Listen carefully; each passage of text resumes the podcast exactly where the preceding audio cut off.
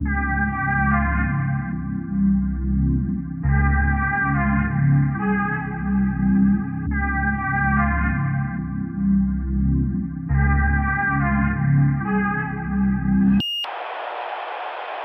jag ser att du har blivit extra brun.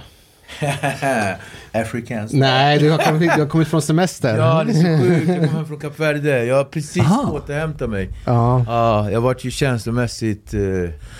Nej men alltså du vet, jag har inte varit i Kap Verde på sex år för det första. Sen har jag inte varit utomlands på typ tre. Men ni vet corona och allt det där. Mm. Är du från Kap Verde? Ja, precis. Är du? Ja, det är Men det- sjukt.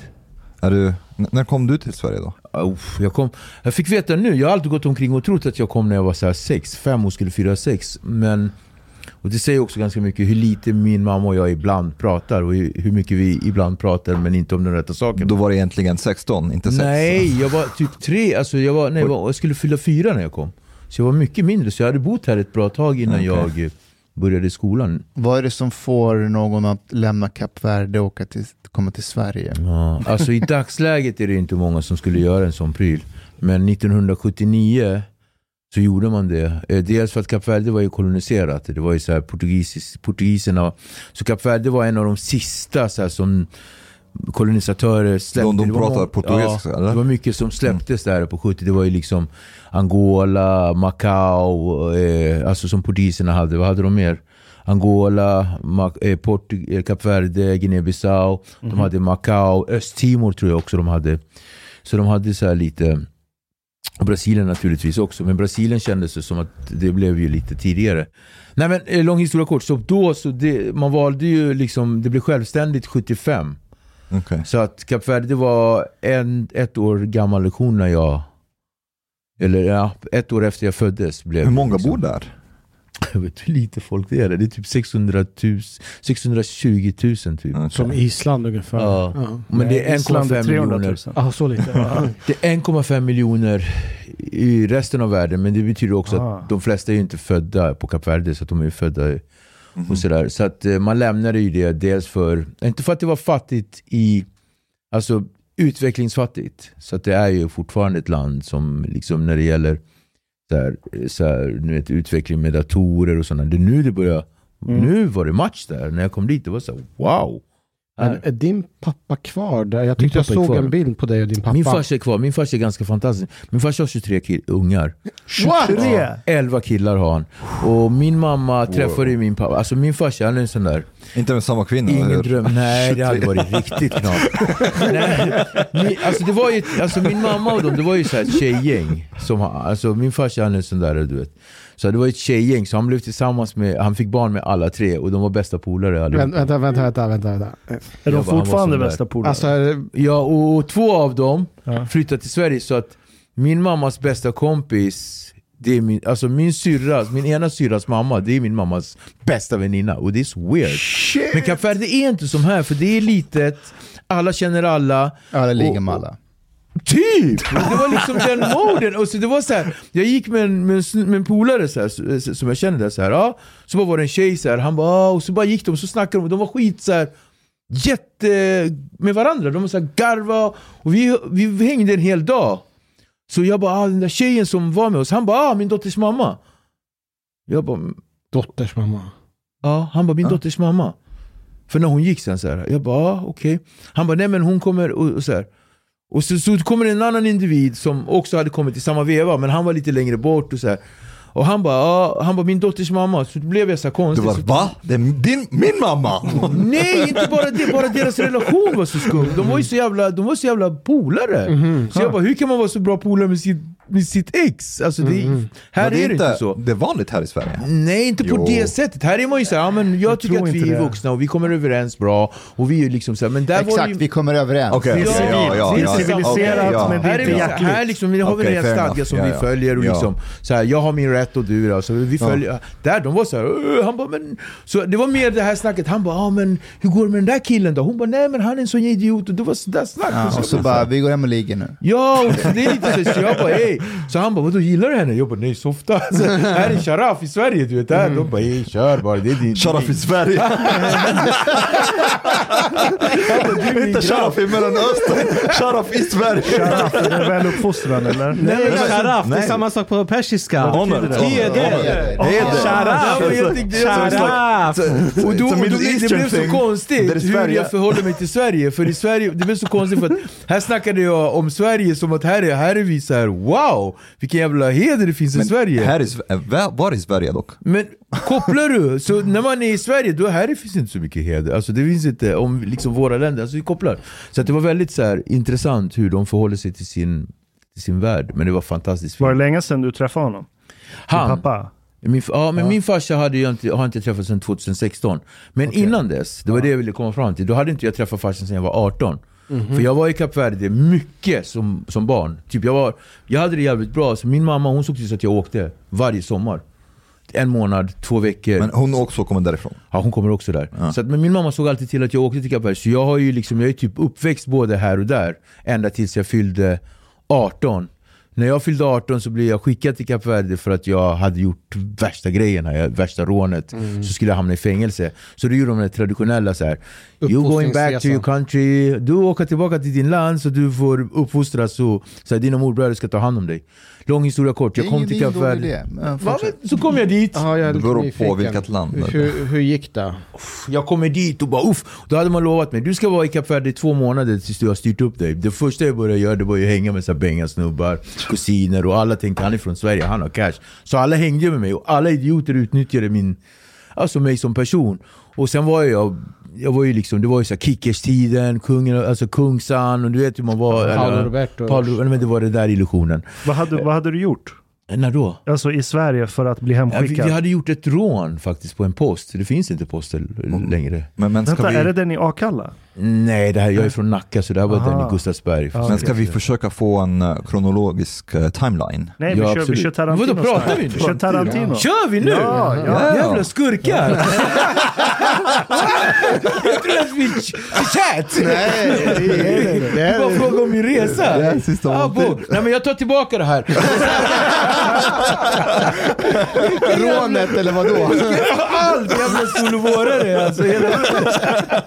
Nej men shoutout till er alltså, va, mina grabbar. Men vad var det för rån? Nej men det var vi... Nu är jag intresserad, Nej, jag ska vi, skriva ett när, vi, uppslag. när, vi, när vi, vi gjorde ett postrån i ett ställe som heter Gustavsberg. Och, eh, och vi, vi kom undan. Eh, och sen min anna, en annan kompis åkte dit på det. Sådär, men vi kom undan. Eh, och sen så hade jag gömt en massa pengar i min källare. Och, Hur mycket? Eh, 80 000 ungefär. Eh, och när man är 17-18 är det jävligt mycket cash. Det är mycket cash för hur gammal man än är. Tycker jag. Ja men idag med inflationen, det är typ är det, 500 spänn och sånt där. Mm. Ja. Nej men typ.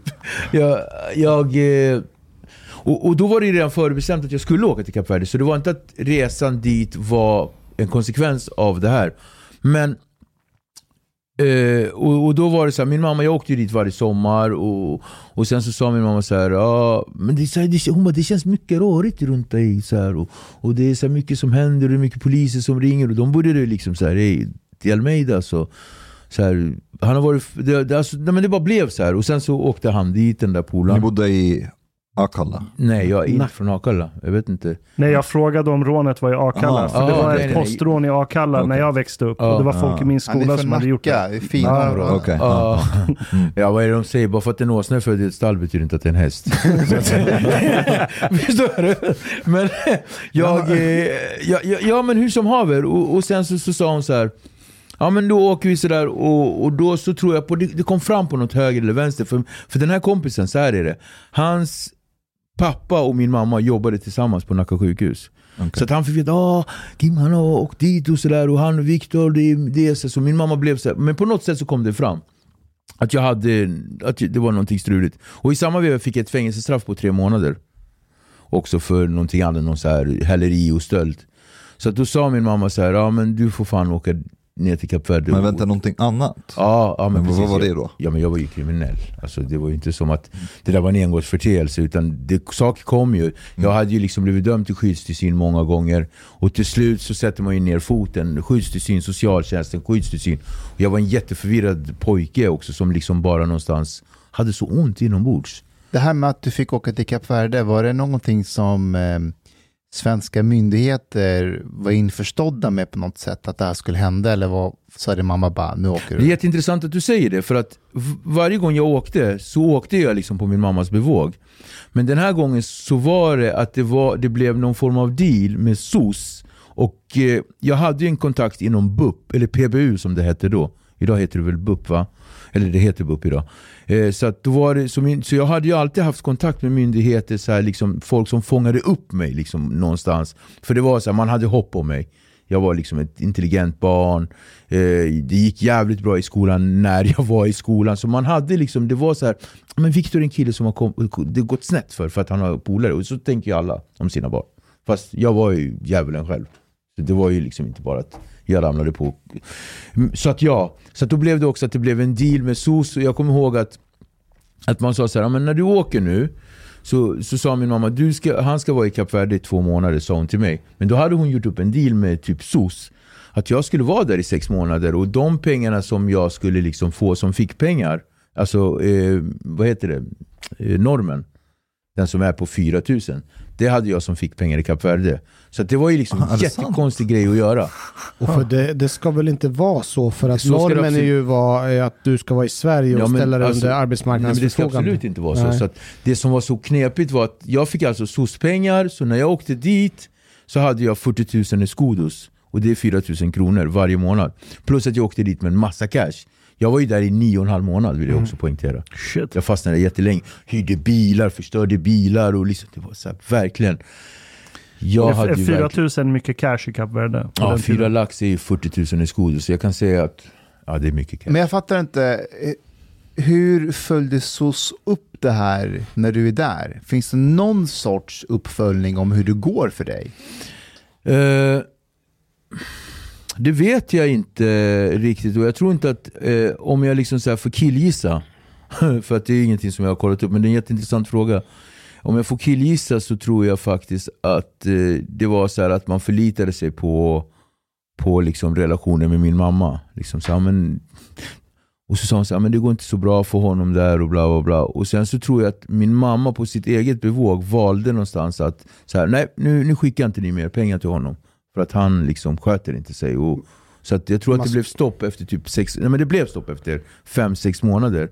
Och det var då, det är det här jag ska komma fram till, det var då liksom man trodde att man hade knutit åt snaran för att jag ska börja sköta mig. Och jag rökte ju weed och sånt där som fanns. Så jag var ju liksom och då var min morbror, han bara, men han har inte fått några pengar på två månader, men han lever som en jävla kung här nere, alltså fattar ingenting. Och då började det, och det var då, då tappade min mamma det, och då, då blev det ju också det här att jag, då tog de mitt pass, man snodde mitt pass alltså. Och då var Vem- jätte, vem gjorde min morbror. Okej. Han bara, du får, jag tar ditt pass, du åker ingenstans. För då började de haja att jag hade cash. Jag skulle kunna åka när som helst. Men jag tyckte fortfarande det var nice. Men när de tog mitt pass, då bara kände jag så här. Då bara svek, man ljuger för mig. Fast jag var en unge som svek och ljög själv. Det, det där såg inte jag. Och förstod inte liksom min mammas ståndpunkt. Där hon hade till den här Lisen då, som var min socialsekreterare. Så här, jag vill att ni skriver av Viktor från, från liksom, så här, han ska, ska inte få någon hjälp på det sättet. När han kommer hem så ska han få liksom någonstans, så får han åka på något ungdomshem eller vad fan som helst. För jag hade ju också varit på ungdomshem när jag var 15, så jag började sköta mig från 16 upp i två år nu här. Det, det är rörigt, ni hör ju hur det låter. Men det har, det, eh, så där i Kap Verde, väl i Kap Verde, då liksom bara kände jag så här, fuck this shit, alltså nu ska jag leva snabbt, ung och bli ett vackert lik och så här. Riktigt så här. eh, Hur var det när du kom hem igen då? Jag ska berätta hur jag kom hem, det här är helt sjukt.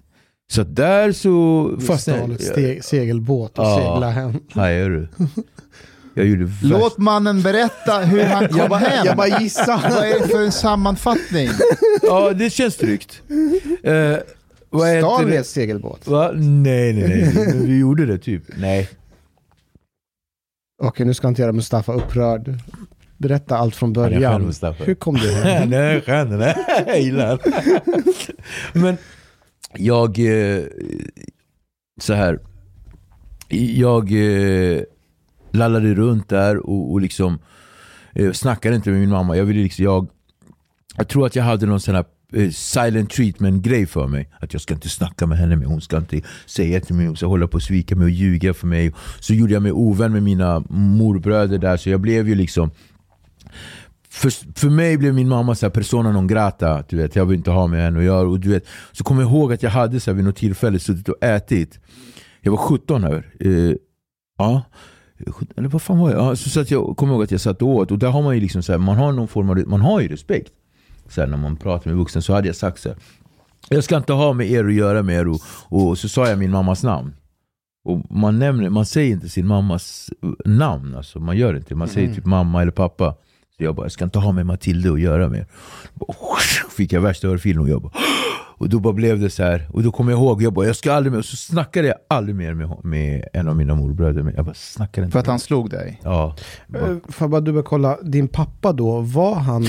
Och, eh, jag förstod inte det. Ja, min pappa och min pappa var där hela tiden. Under den här tiden så var det ju, min pappa har ju varit alltså en person som inte har varit närvarande som förälder. Så att min pappa rullade förbi alltid så här när jag var på semestern i Kap Verde. Jag träffade, så han kom alltid så här, ah, men hej hur är det med dig? Och så liksom tog han med mig i sin bil och så gav han mig typ så här, eh, pengar som jag egentligen inte ens behövde. Ja, så ni bodde inte tillsammans? Nej nej nej, min pappa, de har aldrig haft en sån relation.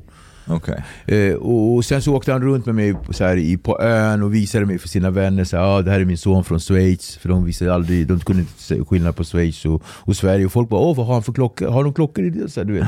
Jag fattade ingenting. Så jag kommer bara ihåg att jag hade den här eh, lite ljusare mannen eh, än vad jag var. Eh, min pappa är lite ljusare och det är ju någon form av status i Kap Verde. Man, man får inte vara vit, men man får inte vara för svart. Kap Verde ska man vara någonstans mittemellan. Det är liksom Lite som Sverige. Ja, man ska vara som Henke Larsson typ. Henke Larsson är från Kap Verde för den delen.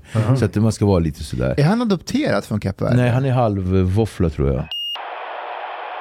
Vad gör din pappa i Kap Verde då? Min pappa, grej? han är, min pappa de, alltså han, han är ju född ganska så här, med bra förutsättningar. Han, han importerar bilar och exporterar eh, vissa grönsaker och frukt ut till USA.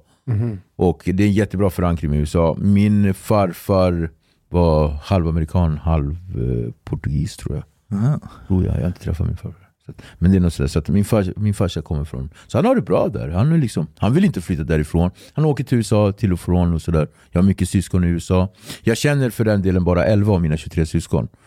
Så de andra, de, de här 11 som jag känner är liksom folk som jag träffar på ön. Och liksom så här, kom en kille till mig och han bara Fan jag är din brorsa. Så, jävla weird.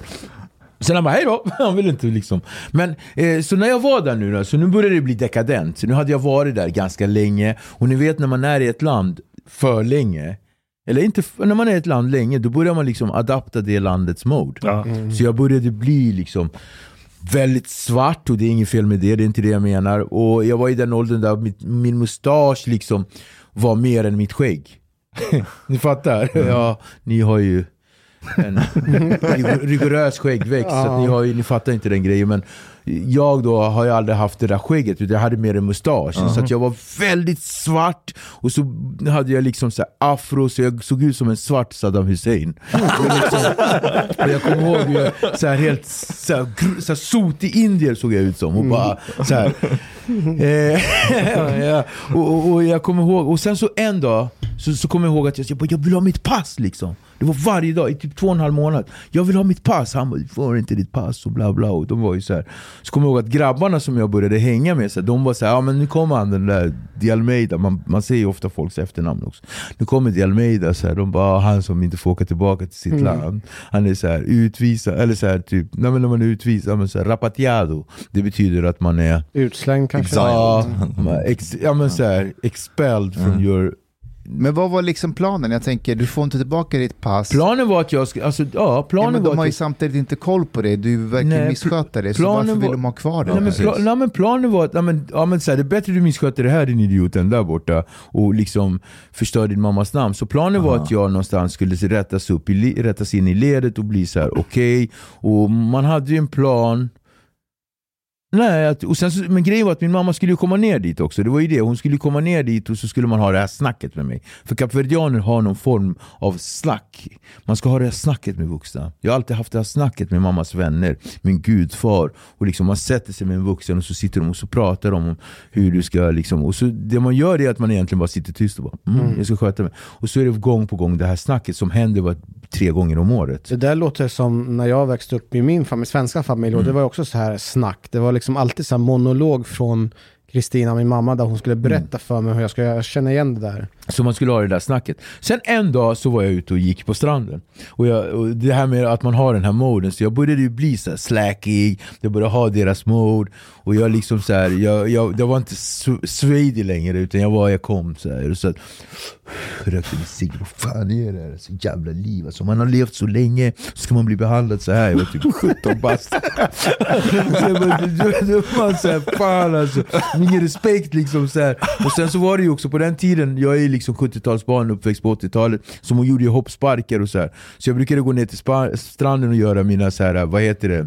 Roundkicks. roundkicks och jag gjorde tornado och så där. De bara ah, där kommer han, han som kan karate. Du vet. De gör ju inte sånt, de kastar en sten på varandra. de kan, så så där, bara, där kommer han, europén, så de kallar mig för europén. De bara el sueco, eller europé som kan karate. Du vet, så, där. så kommer jag ner och så bara går jag så här och så bara hör jag någon som säger så här. Men för i helvete!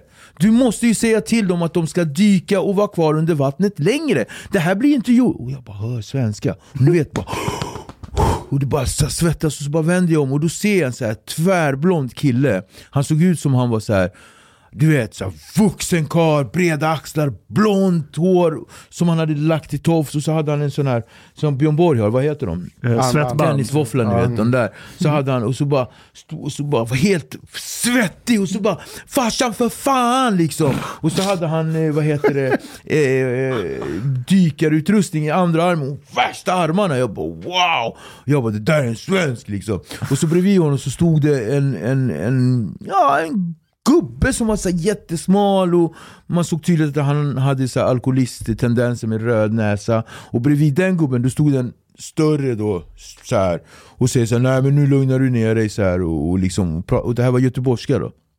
Som de pratade.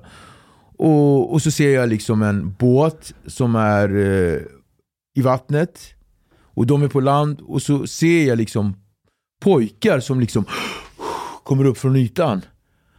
Och så liksom och så ner igen. Så det är så här tio små pojkar som dyker under båten och skrapar av snäckor. Mhm.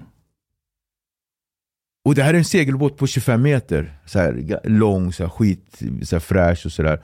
Och, och jag, jag kommer ihåg att det första jag noterade Det första jag noterade var en man som satt liksom, ni vet, ni vet ju en segelbåt så liksom går man ner och där nere finns så, så såg jag en man som satt och rökte liksom pipa så här.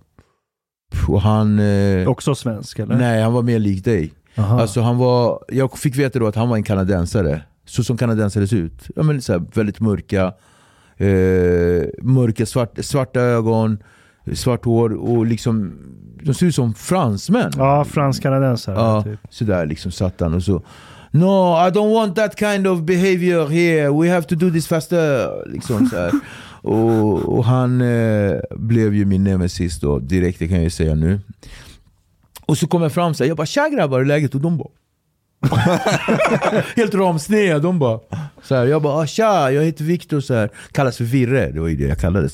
Så jag kallas för Virre, jag är från, från Sverige, så här, de bara ah, okej. Och så här, de var helt såhär, fan vad nice.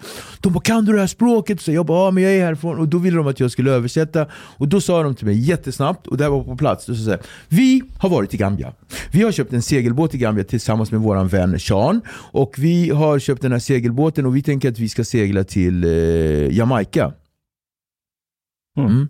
Men problemet är att eh, den här båten har jättemycket snäckor och det gör att det gör så att farten liksom inte går av sig själv. Och, bla bla bla. Och de här pojkarna här liksom, de håller på och dyker för att ta bort de här snäckorna. Problemet är att vi kommer inte överens om det själva priset och de, har, de får ju för lite pengar och därav gör de inte jobbet med välvilja. Skulle du liksom kunna, jag bara, men vet du vad? Så jag bara gjorde om hela löpet. Jag bara, jag bara, se till, jag bara ger dem sina pengar. Sen hämtade jag några kusiner från, eh, liksom, från min, min, eh, mitt område område. Det är Kap Verde är så små, det är såklart det är små. Dina 23 syskon. Ja men, ja men typ, det skulle jag kunna vara bra om, det, om vi då... Men så hämtade jag, och sen så fick vi upp båten på land och så liksom var det killar som skrapade av båten. Och under den här perioden då vi gjorde hela den här processen så blev jag vän med den här äh, kralliga killen då som jag tyckte var det vuxnaste jag har sett och han var bara 21 år. Gud. Och han... eh, Och det, den här 21-åringen och sen den andra var, en var hans farsa och den andra var farsans polare. Och de här två, var, de två gubbarna var sjömän. Alltså riktiga sjömän. De hade tatuerat ankare här och liksom så här, de, de var liksom riktiga sjömän. Och det, Robert Gustafsson hette den andra och sen vad heter? Ola hette han och sen eh, Thomas hette den här killen då. Och så Sean hette den här eh, kanadensaren. Eh, och vi blev polare under den här intensiva veckan som de var där. Eh, tog jag med honom på liksom en vallfärd. Kap Verde är ju vulkanö, så vi har ju berg och sådär. Så han ville ju klättra i berg. Det här var en ung kille liksom, som var ute med sin, som ville klättra i berg. Han ville dyka. Han ville åka till Egypten, till liksom, vad heter revet, det här bar eh, barriär eller vad- vad. Han ville åka överallt och bara dyka. Det var det enda han ville göra. Så att, vi liksom, så att jag visade honom runt och blev liksom någonstans eh, hans guide. Eh, och sen blev vi polare och så sa han så här, men vi ska ju liksom dra till Jamaica liksom. Det kommer bli så jävla nice och sådär. Och jag bara, kan jag haka på? Han bara, ja, liksom, det är klart du kan. Bara du liksom. Men det, de var ju jättenoga med att du måste liksom ha ett pass om du ska med oss. Och där sprack det liksom. Så bara kom jag ihåg hur jag sprang hem en av de här kvällarna. Och så bara kom jag och så bara överallt, bara letar, letar. Och så till slut så bara hittade jag fan mitt pass. Då hade min morbror gömt den liksom bakom någon grej. Och grejen var att där låg inte den hela tiden. För jag var säker på att jag hade alltså, så här, eh, såna här vertina, det alltså, så, alltså hörnskåp. Ja. Och där visste jag att jag hade letat flera gånger. Så Så de flyttade runt den de flyttade tiden. runt den, de här den lilla, lilla kanaljen. Han ska nog inte hitta det. Så du vet, de, så till slut så prickade jag rätt. Det var bingo. Jag bara yes! Så då tog jag, och då kommer jag ihåg hur jag packade min... Ni vet de här Adidas-väskorna som, som är träningsväskorna där det finns eh, Tre zips. Ja men så här, de här långa, Ja. ja. skinn. Ja. Skitnice. Ja. Så här, brun eh, basketväska, eller ja, men så här, avlånga. Den packade jag ner lite kalsonger, lite t-shirts. Sen lämnade jag resten som jag hade kvar där. Och jag hade ungefär 28 000 kronor kvar. Och det stoppade jag sådär i pungen och så bara gick jag ner. Och så kommer jag ihåg, jag hade med min kusin, så sa jag så här till han. Jag bara, jag ska dra nu. Och vi får fan Liksom, du får svära på att du inte får berätta för någon. Han bara, men du kan inte bara dra. Jag bara, jo. Så då bara kuttade jag upp mig själv med en kniv. Och han och så liksom, så, så här gjorde en sån barngrej. Det gjorde man när man var liten. Ja, och vi var typ 17. Jag bara, du får svära på om du liksom bryter den här eden. Då, liksom, han bara, jag svär på min mamma. Så han liksom, och då sa jag, efter en vecka får du berätta att jag har dragit. Han bara, okej. Jag gick ner och det var jättemörkt på kvällen. Så, in, i, så klättrade jag upp på båten. Och då insåg jag att när jag klättrade upp insåg jag att det var första gången som jag var i båten. Jag hade hela tiden uppehållit mig uppe på båten. Någon gång kanske jag tittade ner, vi brukade spela Yatzy så här uppe på. Men jag hade aldrig riktigt varit inne i båten, så när jag kom ner där så han bara, så den här Sean, han var welcome. You are truly welcome here and we have some rules you know. You cannot enter this, uh, this side. That's where I live. And that way, och det fanns så fem hytter i, små hytter i. Så fick jag liksom en hytt och jag delade med den här unga killen. Uh, ja, så det är en 25 meters båt med en saxmotor. Så liksom, Vad är den- det är en motor alltså. En mo- sax, det är ett märke. Aha, det aha. finns mopeder som är sax. Alltså det är motorsmärke. Eh, så saxmotor, det är också viktigt att poängtera vad, för vad som händer, vad som komma skall här. Så vi hade en saxmotor, men den är också en segelbåt. Så om motorn eventuellt skulle liksom man sätter igång båten och så puttrar man ju iväg med motorn så att man kan navigera sig fram. Sen helst så liksom tar man liksom Passatvinden som den heter, den går ju liksom rakt över. Och den fångar man upp och så seglar man. Och det där är ju den berömda eh, rutten för eh, de flesta sjömän, att segla rakt över Atlanten. Det är, liksom, det, är, det är en grej man måste göra som riktig sjöman. Och så över.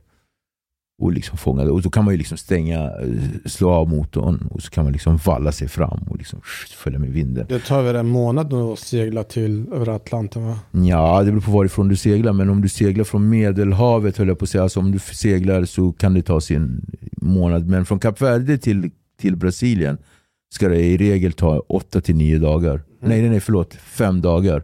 Fem, sex dagar. För oss tog det tio dagar.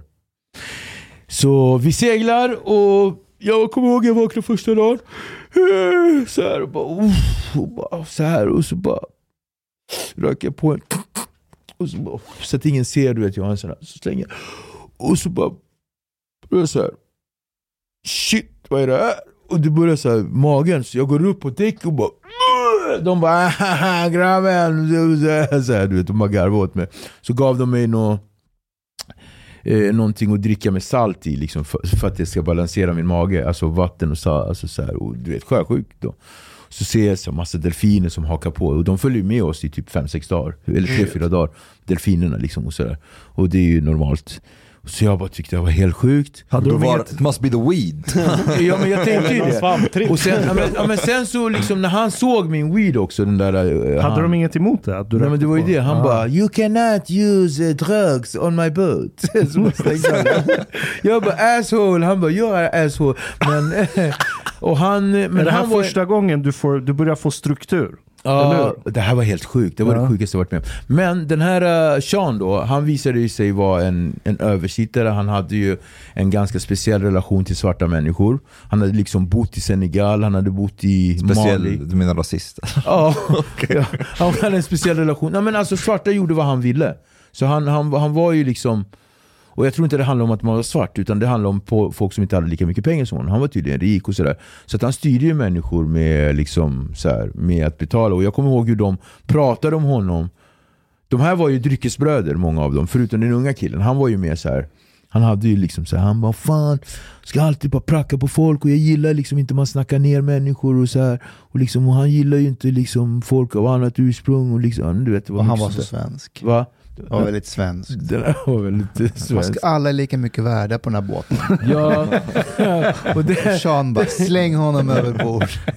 och Sean klarade inte av att jag liksom kunde prata svenska, engelska och liksom portugisiska. Alltså jag var ju liksom belevrad och, och berest, vilket jag verkligen inte var. Men jag var inte Det var berest, jag var intressant, så han såg sina tillkortakommanden. i en liten pojke. Ja, Liksom. och det hjälpte inte att du var svart heller. Det gjorde ju saken ännu värre. Så han bara eh, Stop this goddamn music! Eh, Så jag brukade lyssna på någonting som jag inte tyckte var, alltså det, jag kommer inte ihåg vad jag lyssnade på. Men han den här, eh, han bara nu lyssnar vi på reggae! så var det så här, alltid något så här på Mali eller så här. Du vet de här, eh, det fanns en sån här reggae-mix. Det är så white boy reggae. Det är ju inte så här. CB40. You before red, Ah, you red, before white. Sån där, han bara det här är bra reggae. Burning my family in my own direction. Kommer du ihåg den där? Ja, det är bra musik. Ja det är bra, du vet. Kommer du till en svart kille och säger det här är reggae, de kommer bara nu får du ta tända av här. Mm. Så får du sätta dem på burning spear eller något. Men summa summarum är, så att då hamnar jag, men det är det här som är sjuka grabbar. Efter två dagar, och det här är dagens sanning. Att jag inte ens, som är då tjuv i genen, så här, att jag inte ens tänker på att jag ska gå ner i de här hytterna och kolla vad som finns där. Det, det tillkommer inte mig. Förmodligen var det också för att jag var väldigt sjösjuk och att jag kände att det här är en väldigt ny miljö för mig och jag ska vara helt ärlig, jag var skitskraj. För att plötsligt började land försvinna. Mm. Och det började bli så här blått, blått. Och så när jag tittade ner i vattnet så var det blått och så i vattnet var det så olika nyanser av blått. Det betyder att det där mörkare kanske är en val. Sen fick jag ju lära mig att valar är inte där nere så mycket. Valar håller sig, det kan vara en haj om man har sikter. Så att jag började bli väldigt så jag bara shit. Då kom verkligheten ikapp mig. Jag bara min mamma, ska hon veta att jag är död? Tänk om hon inte vet? Och det har bara gått två dagar och hon får inte veta förrän som sju, fem, sex dagar. Vi hade ju en deal. Kopplar ni? Så, så här, verkligheten började komma ikapp mig så jag tror att jag jag liksom bröt ihop där vid något tillfälle. Så här. Alltså, så kommer den där en, så här, fyllegubben, han bara Grabben, en sak ska du veta va? att Det här är bara en del av ditt liv. Det kommer bli skitbra. Men om du vill fortsätta gråta, gråt vidare. Han bara, hade jag, hade jag inte vetat bättre så hade jag gett dig en sup. Men det får du inte för du är bara en grabb. Drack han och gick och jag bara! But maybe also reality was coming to you because it looks like this is, was the first time you were sober. actually yeah. But, but I was not a drinker actually. I never drank. Jag har aldrig druckit liksom. Och det finns nej, nej, en men jag menar med weed också. Ja men precis, ja, men, ja, men också, men också så här så var ju att Rökte du på varje dag? Nej, men när jag var på Verde så rökte jag, men jag hade ju inte så här att jag rökte hela, hela tiden. Så det var inte min eh, state of mind att jag alltid var flummig. Det stämmer Ah, inte okej, riktigt. okej. Sådär. Men det var något som tillkom sen. Men jag hade ju liksom, jag var fortfarande väldigt ung och allt annat som var roligt i mitt liv var roligt i mitt liv. Jag var ändå ganska, så här, jag hade en ganska fresh hjärna på det sättet. Eh, nu Bara, bara återkoppla till någonting så här. När, när, när man har, även om man är från ett annat land, men man åker tillbaka till sitt hemland. Det brukar alltid bli det här fenomenet att man inte känner sig som en del i att man är från, att man är från Kap Verde. Hur, när du var i Kap, kände inte du så att, du, att folk liksom Hela hade tiden. en annan bild av dig? Hela att, tiden.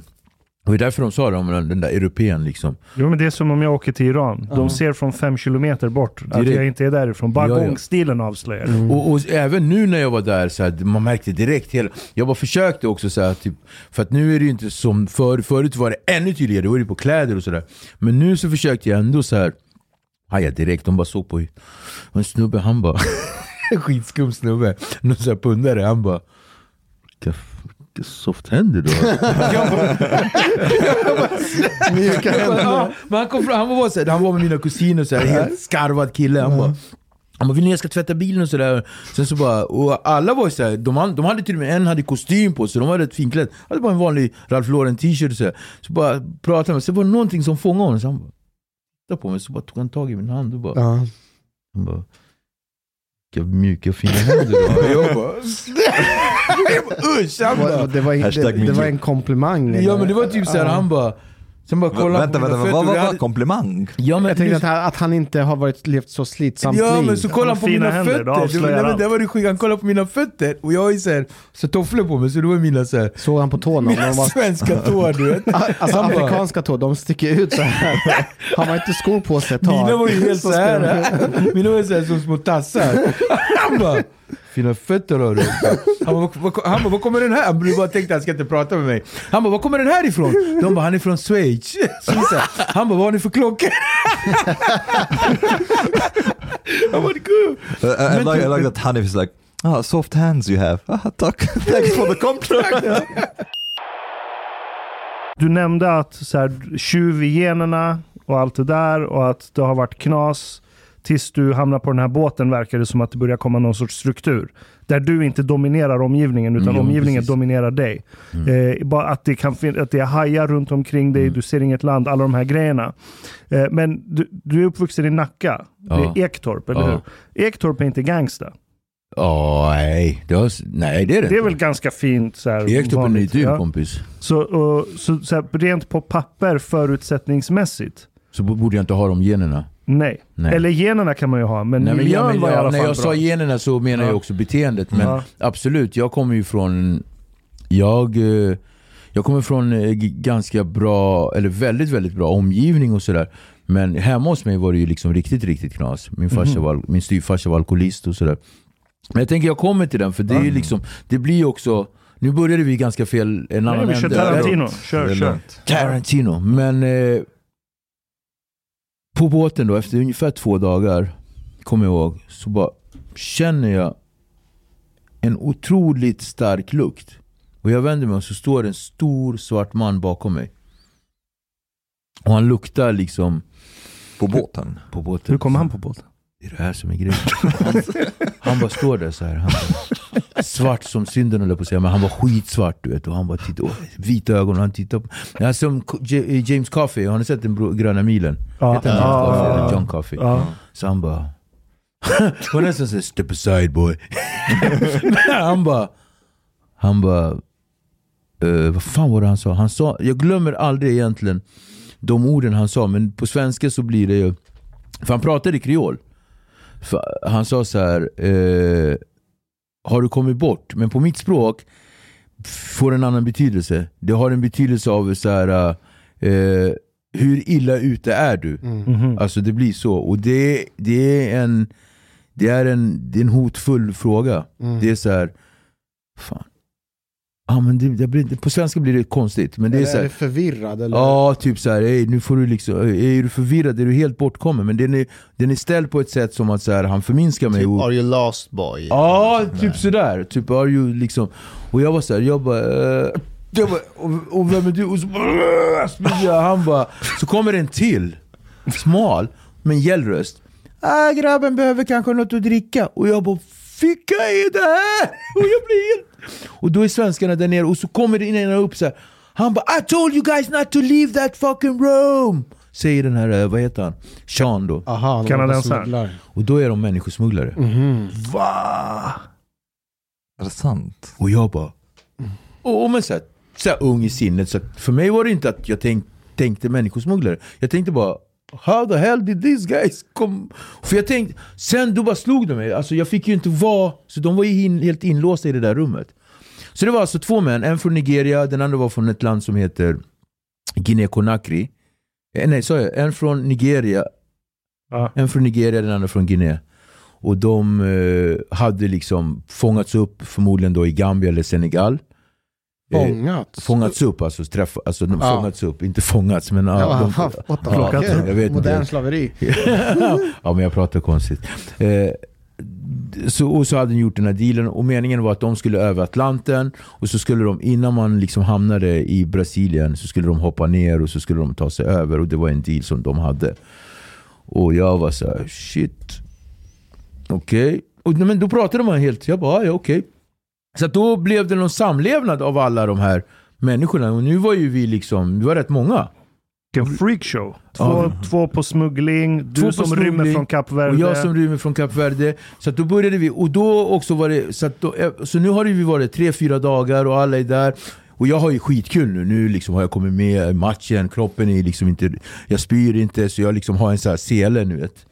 Och bara hoppar i vattnet och bara tsch, så här, nu vet en sån här som byggare har. Hoppar i och bara så här, bara skitkul, fiskar barracuda och det är liksom, det är kul. Allt det här känns som det är en månad, men allt händer på två, tre dagar. Och sen så kommer domedagen. När den här Sean är skitpackad och liksom, eh, vad heter det, eh, kränker en av de här eh, grabbarna som, en av de här männen. Det här är inte det här är män alltså. Det här var, och jag tyckte att den där 21-åringen var man. Det här var män! Alltså, det var så här, karvade, så här, riktiga. Och de, han, och tjafs, och han tog tag och han bara "Aj, alltså, jag kommer typ döda dig. Och han bara no, men alla måste göra sin uppgift på den här båten. Vi liksom, en är kock, en lagar mat och ni Black people sa han liksom You have to goddamn it clean the boat. Och vi hade ju liksom att vi hade så flugfiskar. Ni vet flugfiskar, de, de, de är ju på eh, ytan. Ja, jag, jag har sett det en Ja. Och sen så åker de, och då varje morgon eller liksom varje dag så hamnar det ett antal på båtens... eh, Jaha. Ja, Som ligger- Super Mario. Ja, ja, men, du, ja men du vet, så här, flugfiskar. Så då måste man ju städa av båten för flugfiskarna. För att det blir, alltså det blir jättemycket Mm. fisk. Så att någon måste ha den uppgiften. Sen någon annan måste se till så att man skulle fixa någonting med relingen. Det var någon annan, och det ville typ den här uh, unga killen ha för att han visste så att man inte skulle fucka båten.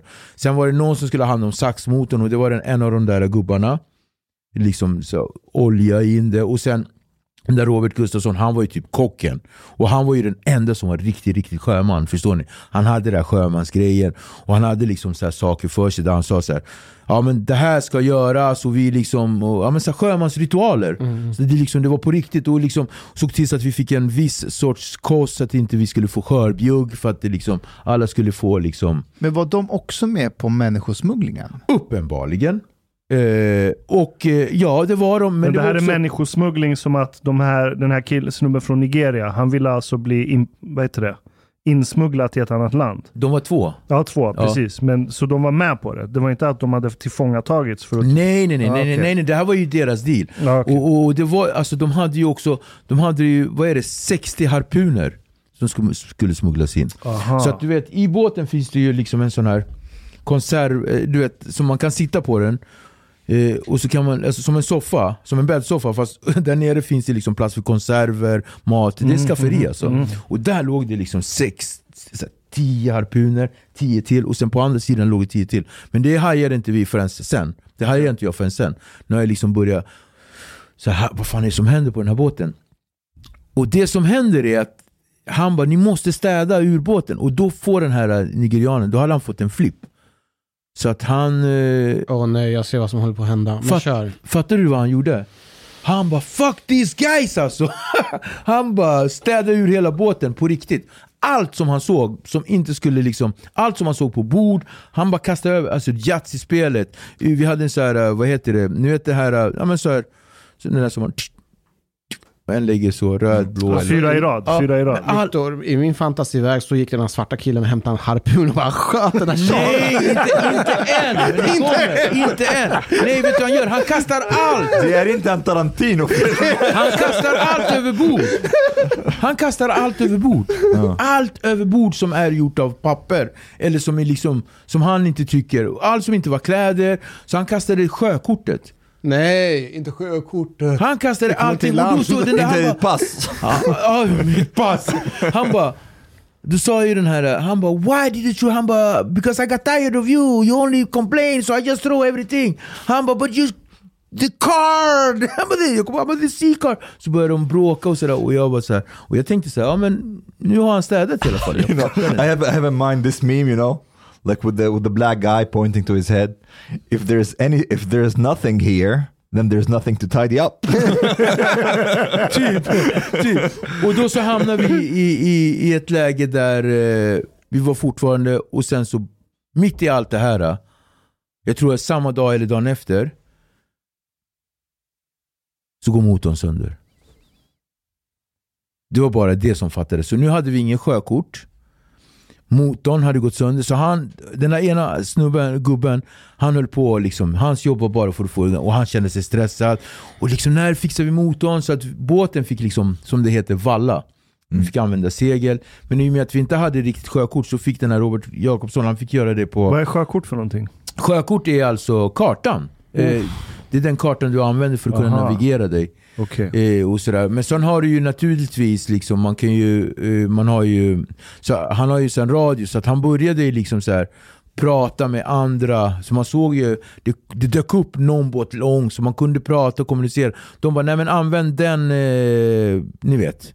Att man använder liksom navigationskoder, eller vad fan det heter, för att liksom ta sig fram. Så vi började ta oss fram.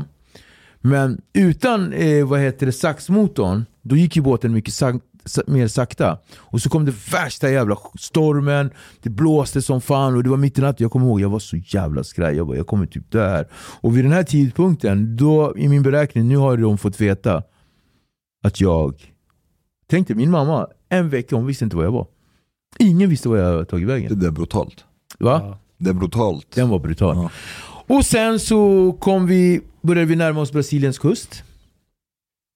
Eh, och då ser jag land. Eller jag tror att jag ser liksom så här, ett streck. Så här. Jag bara, han bara, det där är Brasilien. Nu kommer den stora faran säger han. Nu ska vi fan försöka navigera, navigera oss rätt så att inte vi hamnar liksom åt helvete. Jag bara, hur menar du? Jag bara, det är bara att åka rakt fram. Han bara, det är inte så jävla enkelt. Så då åker vi. Så att vi så här, åker in och man är nojig för det finns mycket också, vad heter det, pirater. Eh, som eh, åker runt och eh, hijack Ja. lyxbåtar. Mördar folk och tar deras båtar. Alltså kidnapp, alltså mördar folk. Mm. Just i, alltså, du vet, från Karibien och sådär. Så det var mycket sådär, och det är då han, tar, han bara men vi är safe, vi har ju en massa. Då tar de upp alla harpuner, jag bara vad fan är det här? Och då började jag haja, de här smugglar ju liksom människor och vapen och det började slå mig då. Jag är inte så tiltad. Men så att jag började bli så irriterad, jag bara hej hur kunde du lura in mig i en sån här jävla grej? Han bara you should shut the fuck up, you're just a black boy that came on a... Och så började jag bråka med honom, så vi har värsta bråket. Och så boom, så hamnar båten på en sandbank, mitt i bråket. Och ni vet, det är därför man behöver sjökortet. Sjökortet den kan navigera dig fram och då ser du alla sandbanker som finns. Du vet, under vatten är det egentligen precis som man vänder upp och ner. Det är som alltså berg. Ja, just det. Så Förstår du? på grund. Så att båten gick på en sandbank och den fastnade där. Och liksom, vi stod stilla och försökte få loss båten och motorn gick liksom inte igång heller. Så att båten var helt... Hade man haft en motor då kan man ju liksom någonstans ingenting. Och sen ebb och alltså vattnet liksom. Och då båten så här Tilta. tiltade. Så vi var så här på en båt Och jag bara, vad är det här? Och de här svarta killarna, de är ju livrädda. Han bara, I will die! Så han började, så, den ena började, han satte sig och be Allah, alhamdulillah. Vilket han också gjorde, han bad ju hela tiden. Så han, han bad ju fem gånger om dagen. Så det var inget konstigt, men nu, nu var det mer intensivt. Han bara, astaghfirullah, la ilaha illallah, Muhammad rasulullah. Och sen den andra, han är kristen. Så han bara, och jag bara står där, jag bara, jag har ingenting. och så bara, Jag är "Men- svensk. jag är svensk ju! Vill ha mina pannkakor. Så, så att, Jag är våffla på vift. jag vill ha våfflor! Vad händer? Jag bara, vad är det här? Och sen så började vi se små, små, små båtar. Som kom så här. Och då han bara We have to defend ourselves! Och han är ju skitsmal den där Sean, det är ju inte Är det så här, Coast Guard, Rambo. eller? Va? Va? Coast Guard eller? Vi trodde han bara, först trodde han att det var Coast Guard, han bara ja! Nu, nu liksom, men sen insåg att det inte var det, för det, började, det var så här 10, 15, till slut var det så här 15 stycken små båtar som kom. Oj, somalier. Förstår du? Och då var det alltså Men eko. Brasiliens kust. Det var e ja, vad gör de där? Pirater! De hade ingen sjökort. Men då var det liksom, då, då var det en, eh, alltså då var det tio stycken identiska personer, alla såg likadana ut. 1,30 med hatten på allihopa, skitkorta. Och så hade de en, en eka. Det, var, du vet, det är en eka-motor med en eka-båt med Yamaha-motor på. Alla hade likadana. Så åkte de så här, Sen åkte de runt båten bara. Och de bara... Alla, du vet, som, Vinkade? ja, du vet som i Fantomen, den där lilla Guram. Eller vad han heter. Heter han Guram? Guram. Den där lilla Fantomens Arkadash. Den där lilla shunon. De bara Hola! Hola! Och jag bara... Han bara Now you should make your move, säger han Sean. You're the one who speaks Portuguese. Jag bara nej. Så gick jag för jag bara eh, Senhores como estás? Tudo bem? A gente tá aqui. Ja men du vet så här, vi är här. Och de bara oh claro, no problema. Somos pescadores. De är fiskare du vet. Jag bara hej de här shunorna är fiskare. De bara, och då bara kliver han fram. Han bara yes my name is Sean and I come from, from Canada. Hit och bara håll käften idiot och gör värsta scenen och de ogillar honom direkt. För han börjar liksom så här. Jag kräver att ni ska, men de hjälpte oss med lång historia kort. De liksom, stort rep, det var någon som bara åkte hem direkt och hämtade ett stort rep. Det var fiskare alltså. Så att de hjälpte oss med båten, de boxerade in båten. Det var så sjukt att se hur jag liksom, hur vi, och då kommer jag ihåg att jag satt i min hytt och började liksom packa för jag hade, ja jag vill också säga att stämningen var inte så här världsbäst. Jag började säga, jag bara, jag har fått nog av de här idioterna. Så jag började liksom packa. Så när båten åker in, och då åker den in i eh, Amazonafloden. Så att I deltan. Ja, precis när Amazon, det här är Belém Pará, det ligger ganska långt upp i Brasilien. Så att åker in ifrån Amazonaflodens mynning och Amazonafloden är jättesmutsig, eller så är det grumligt vatten. Åker in och jag har aldrig sett någonting så, och så än idag, jag kan liksom bara säga med att blunda. Om man tar sex, sju, jag vet inte hur många olika nyanser av grönt som finns, men alla nyanser av grönt som ni vet, och kastar dem på liksom en duk och bara kastar dem hej vilt, alla nyanser av den gröna färgen. Och sen så tar du liksom alla färger som du vet, turkos, lila, vinröd och bara kastar den på den grejen. Så såg det ut. Det var så fantastiskt. Och det var helt sjukt. Alltså, och, och du vet, grönt och bara... Och så, och så bara... Alltså ljud och jag bara wow, du vet man har inte hört någonting liknande på en vecka. Och så helt sjukt, och sen så bara, kommer jag ihåg att jag tittade ut, då var det någon så här råtta som bara du vet, så här, smådjur, kackerlackorna var kaxiga. Förstår du? De bara hej vad är det? Så man bara okej, så det var kack... Du vet, helt så här, myggorna bara eh, du vet, kolla svett och flög vidare. Så här, det är inte som våra svennemyggor så här. Nej men nu vet du, alltså, inga så här Rönnedalsvisor så här. Utan det här var ju så här på riktigt. Helt kralliga humlor. Och sen... Och så kommer jag in. Och så bara... När vi hamnar i den här lilla, lilla byn då. De liksom bara tar emot oss med öppna armar. De gjorde värsta jävla så här, eh, maten och vi kom in där och, och liksom, det var ingenting mer med det. Och sen så kommer jag ihåg att han säger till mig, den här eh, svenska killen, han bara vi måste liksom gå till någon form av eh, så här, tull. Säger han. Du och jag. Jag bara, ska inte alla göra det? Han bara, nej vi gör det bara du och jag. Han jag- 21-åringen? Ja, han bara vi gör det bara du och jag. Så, här, så bara gick vi dit, och knackade vi på så här. Och det stod så här, äh, men kommer tillbaka imorgon typ. det var en sån lapp så här. Om ni verkligen behöver mig så finns jag här borta. Typ. Så gick vi det, så hittade inte honom. Och sen var det som att det liksom var föll i glömska. Så kom jag tillbaka samma dag som vi, alltså, och då är det värsta bråket på båten. De här två svarta männen hamnar i luven med honom för att han ska ha betalt av dem och det är mycket, alltså värsta pådraget. Kanadensarna. alltså. Kanadensaren. Ja. Och det, alltså, det är riktigt, riktigt stort jävla bråk. Eh, jag vet inte, men någonstans där på vägen så kände jag så här, jag bara fan. Alltså jag tar med mig min väska. Jag bara, jag bara kände det. Jätte instinktivt. Jag tar med mig min väska och så började jag kolla så här. Eh, och då märkte jag också att de pengarna som jag hade haft, alltså det var typ, jag kanske hade så fem lax kvar, så man hade tagit pengar från mig. Och jag var skitirriterad. Och jag gick iväg och så var det en av de här små männen, en vuxen man, tog med mig någonstans för att jag ville verkligen ha tag på någon som kunde. För att jag fick ju också veta, för nu, började, nu ville jag hem redan nu. Då sa han så här till mig, han bara ah, om du kommer till en svensk konsulat eller någonting, då kan du ta dig hem. Kommer till, så, här. så det var ju det som var i min hjärna. Så jag ville liksom jag började så här, nu, alltså jag vill också säga, så här som jag pratar, så var det som att allting var så här. jag var jätterädd nu. Nu hade jag kommit till insikt, alltså jag var så skraj. De senaste tre fyra dagarna var ju liksom en skräck för mig. Vi hade hamnat i någon jävla, plötsligt från värsta solen så blev det oväder. Och jag trodde jag skulle dö där. och sen när jag inte dog där så hamnade vi på den, du vet den största grejen var ju den här prylen. Sandbanken. Ja, alltså jag, blev, alltså jag gick in i någon grej och sen när de här två vuxna män ber så blev jag så här: shit! Jag blev så rädd och jag kommer ihåg att jag grät och grät och bara liksom inte heller ville visa min svaghet för jag var ju typ en ung man också, ni vet hur man är så kluven i sin självkänsla. Mm. Så att, jag, så att när vi äntligen kom i land så hade- kom jag ihåg att jag bara Nossa Senora de Gassa Senor Maria. Jag lovar, jag svär att jag kommer göra allt för att du sköter mig. Jag ska ta studenten nu, jag ska hem. Mamma studenten, mamma bror det är för sent. Alltså du vet, jag bara jag ska gå om! och så kommer jag ner till båten igen och de är borta. Alla borta. har dragit allihopa Hade du din väska med och Jag passet? hade min väska och jag hade mitt pass och jag bara stod där Men inte pe- pengarna. Inga pengar Nej. Alltså jag hade 5000 kronor Mm. Eller någonting sånt där Och bara Alltså svensken också? Alla, hela båten hade De dragit. lämnade dig? De bara lämnade mig. Varför då? De bara drog. Eh, ryktet på torget, som det heter, så var det att de här, de bara no, él estaba con medo. De blev rädda för någonting som hade hänt och någonting hade hänt med de här två svarta männen där. Alltså jag gick iväg. Det här bråket var ju för mycket för mig. Jag gick iväg och jag tror att de trodde att jag faktiskt skulle hämta polisen.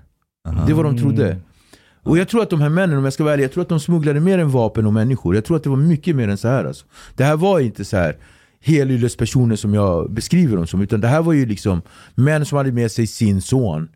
Eh, alltså, förstår ni vad jag menar? Ja. Det, alltså, det bara kändes som någonting helt annat. Kan det vara en mängd narkotika? Vad, Mängd vad skulle det vara annars? Ja, men vad ska jag, man tänker, annars jag, jag, nej, men jag tänker narkotika liksom. Fast Man Sean sa ju ingen narkotika på min båt. Nej, Viktor skulle inte ha någon narkotika. Nej, de här blå ögonen ljuger aldrig.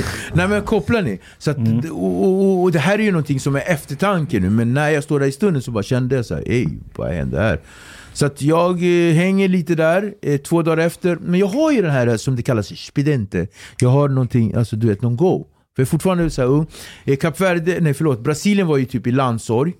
Eh, de hade ju en, eh, vad heter det, rallyförare, Arton Siena, som hade kört Ja, ihjäl jag har sett dokumentären om honom. Han hade ju kört ihjäl sig. mm, jag Så- minns det där. Så att han, eh, han hade Vilket ju, år är det här? Det här är 90, Det var Senna dokumentären. 94 tror jag, 92, 93, någonstans där. För att jag var 18 när jag åkte och jag var borta i Kap Verde ett och ett halvt Ja, det här är någonstans 92, ja, man kan kolla. Men Arton Senna, så att Brasilien var ju en landsorg. Och sen tror jag att det var någonting med fotboll som det alltid har med att göra i Brasilien. Det är antingen högt eller lågt i tak. Om de har förlorat eller inte. Så, så att, och, och sen så var det liksom, så att jag tar en eh, Greyhound-buss, åker in till Brasilia åker in till den här staden och där, det första jag träffar på när jag, när jag kliver av det är en rödhårig, vad heter det, Kanad eh, kille från Nya Zeeland. Han bara 'Hello, my name is Eric, eh, where you from man?' Helt weird. Så jag bara, hey. Han bara, han bara Do you like narcotics? Jag bara, well, let's discuss. Och sen så bara... Very soft hands you have. Då var det 24-årig, 24-årig, helt rödhårig, fräknig, ginger och blåa ögon. Så här, liksom, han bara I've been here for four years man! jag bara damn! Det var så skönt att prata engelska med någon. Han bara I've been here for four years. Han bara I'm gonna take care of you. Och då var det hans grej. Han hade liksom luffat runt i Brasilien i fyra år, rymt från sin stad eh, och eh, åkte runt på olika hamnar. Vad var han? Amerikan? eller? Nej, Nya Zeeland. Ja, Nya Zeeland. Åkt runt på olika, ja, men gått runt på olika båtar och gjort så här, jobb åt dem. Och får dagspenningar. Så att vi bodde nu på, så han och jag flyttade ihop, eller inte ihop, han bodde redan. Eh, Vi fick ett varsitt rum där han, där han redan bodde. I på en Bras- sån här Brasilien, pensionat. Ja, det här är Brasilien. Brasilia. Eh, och han gör att Brasilia är Brasiliens huvudstad. Ja, jag vet. Men det är mer så här tekniskt huvudstad. Ja, men det är så sjukt. För jag bara så här, jag bara, jag vill åka till the capital. De bara, du är Jag bara, nej! Men sen hur som helst, han och jag hamnar där så vi är där i typ några veckor. Sen drar jag till, eh, tar en greyhoundbuss, åker till São Paulo med honom. Sen åker jag till Rio de Janeiro, Fortaleza, alla de här. Och jag bara är i Brasilien och liksom vi lever dag för dag. Och allt, allting bara gungar på och sådär. Och så har de också i Brasilien en gång om året, i alla fall då, där de åker runt och tar fast eh, barn och eh, tar med dem till sopstationer och dödar dem. Så här gatubarn. För Alltså de gatubarn. De ska rensa dem på gatubarn. Så jag kommer ihåg att jag stod där och då så kommer det en kille och han säger så här, han bara, whatever you do, Ja. Got to Ja. han bara whatever you do, don't give them anything. Jag bara nej, jag är nu, jag är härdad, typ. jag ger det, jag är inte soft. Så han bara går iväg så här. då är det en liten unge som, jag sitter och käkar och, eh, och bara käkar en hamburgare och han bara tar fram en ketchupflaska och bara Mhm. Så en liten pojke, jag bara Ta den! jag var din! Han bara God damn it, sen det bara kommer det skitmånga så de bara robbar mig. Så jag har en silverkedja också som jag var jävligt stolt över då. Sen tar min silverkedja, jag blir typ robbad. Alltså barnen. Barnen, de var skitsmå, de bara hoppar, de bara drar, jag bara hej! Och så kommer han kör, han bara chas, chas, typ sådär. Och, så här, och du vet, och sen så i samma veva så kommer det sådana här polisachocks, eller som de heter, eh, Tropa de Elites. Just det, Tropa de Elite. Ja, då kommer de. Och de bara bam, bam, bam, bara tar barn och kastar in dem i, i vad heter det, i sina Humvees typ. Och bara kör iväg med dem och så typ, och då får man ju veta att Det de är, som, dem. det är så som Sverigedemokraterna vill att vi polisen ska jobba. hajar. Uff. Och, och, liksom, och där stod jag och då hamnade jag i någonstans. Polisen han bara okej.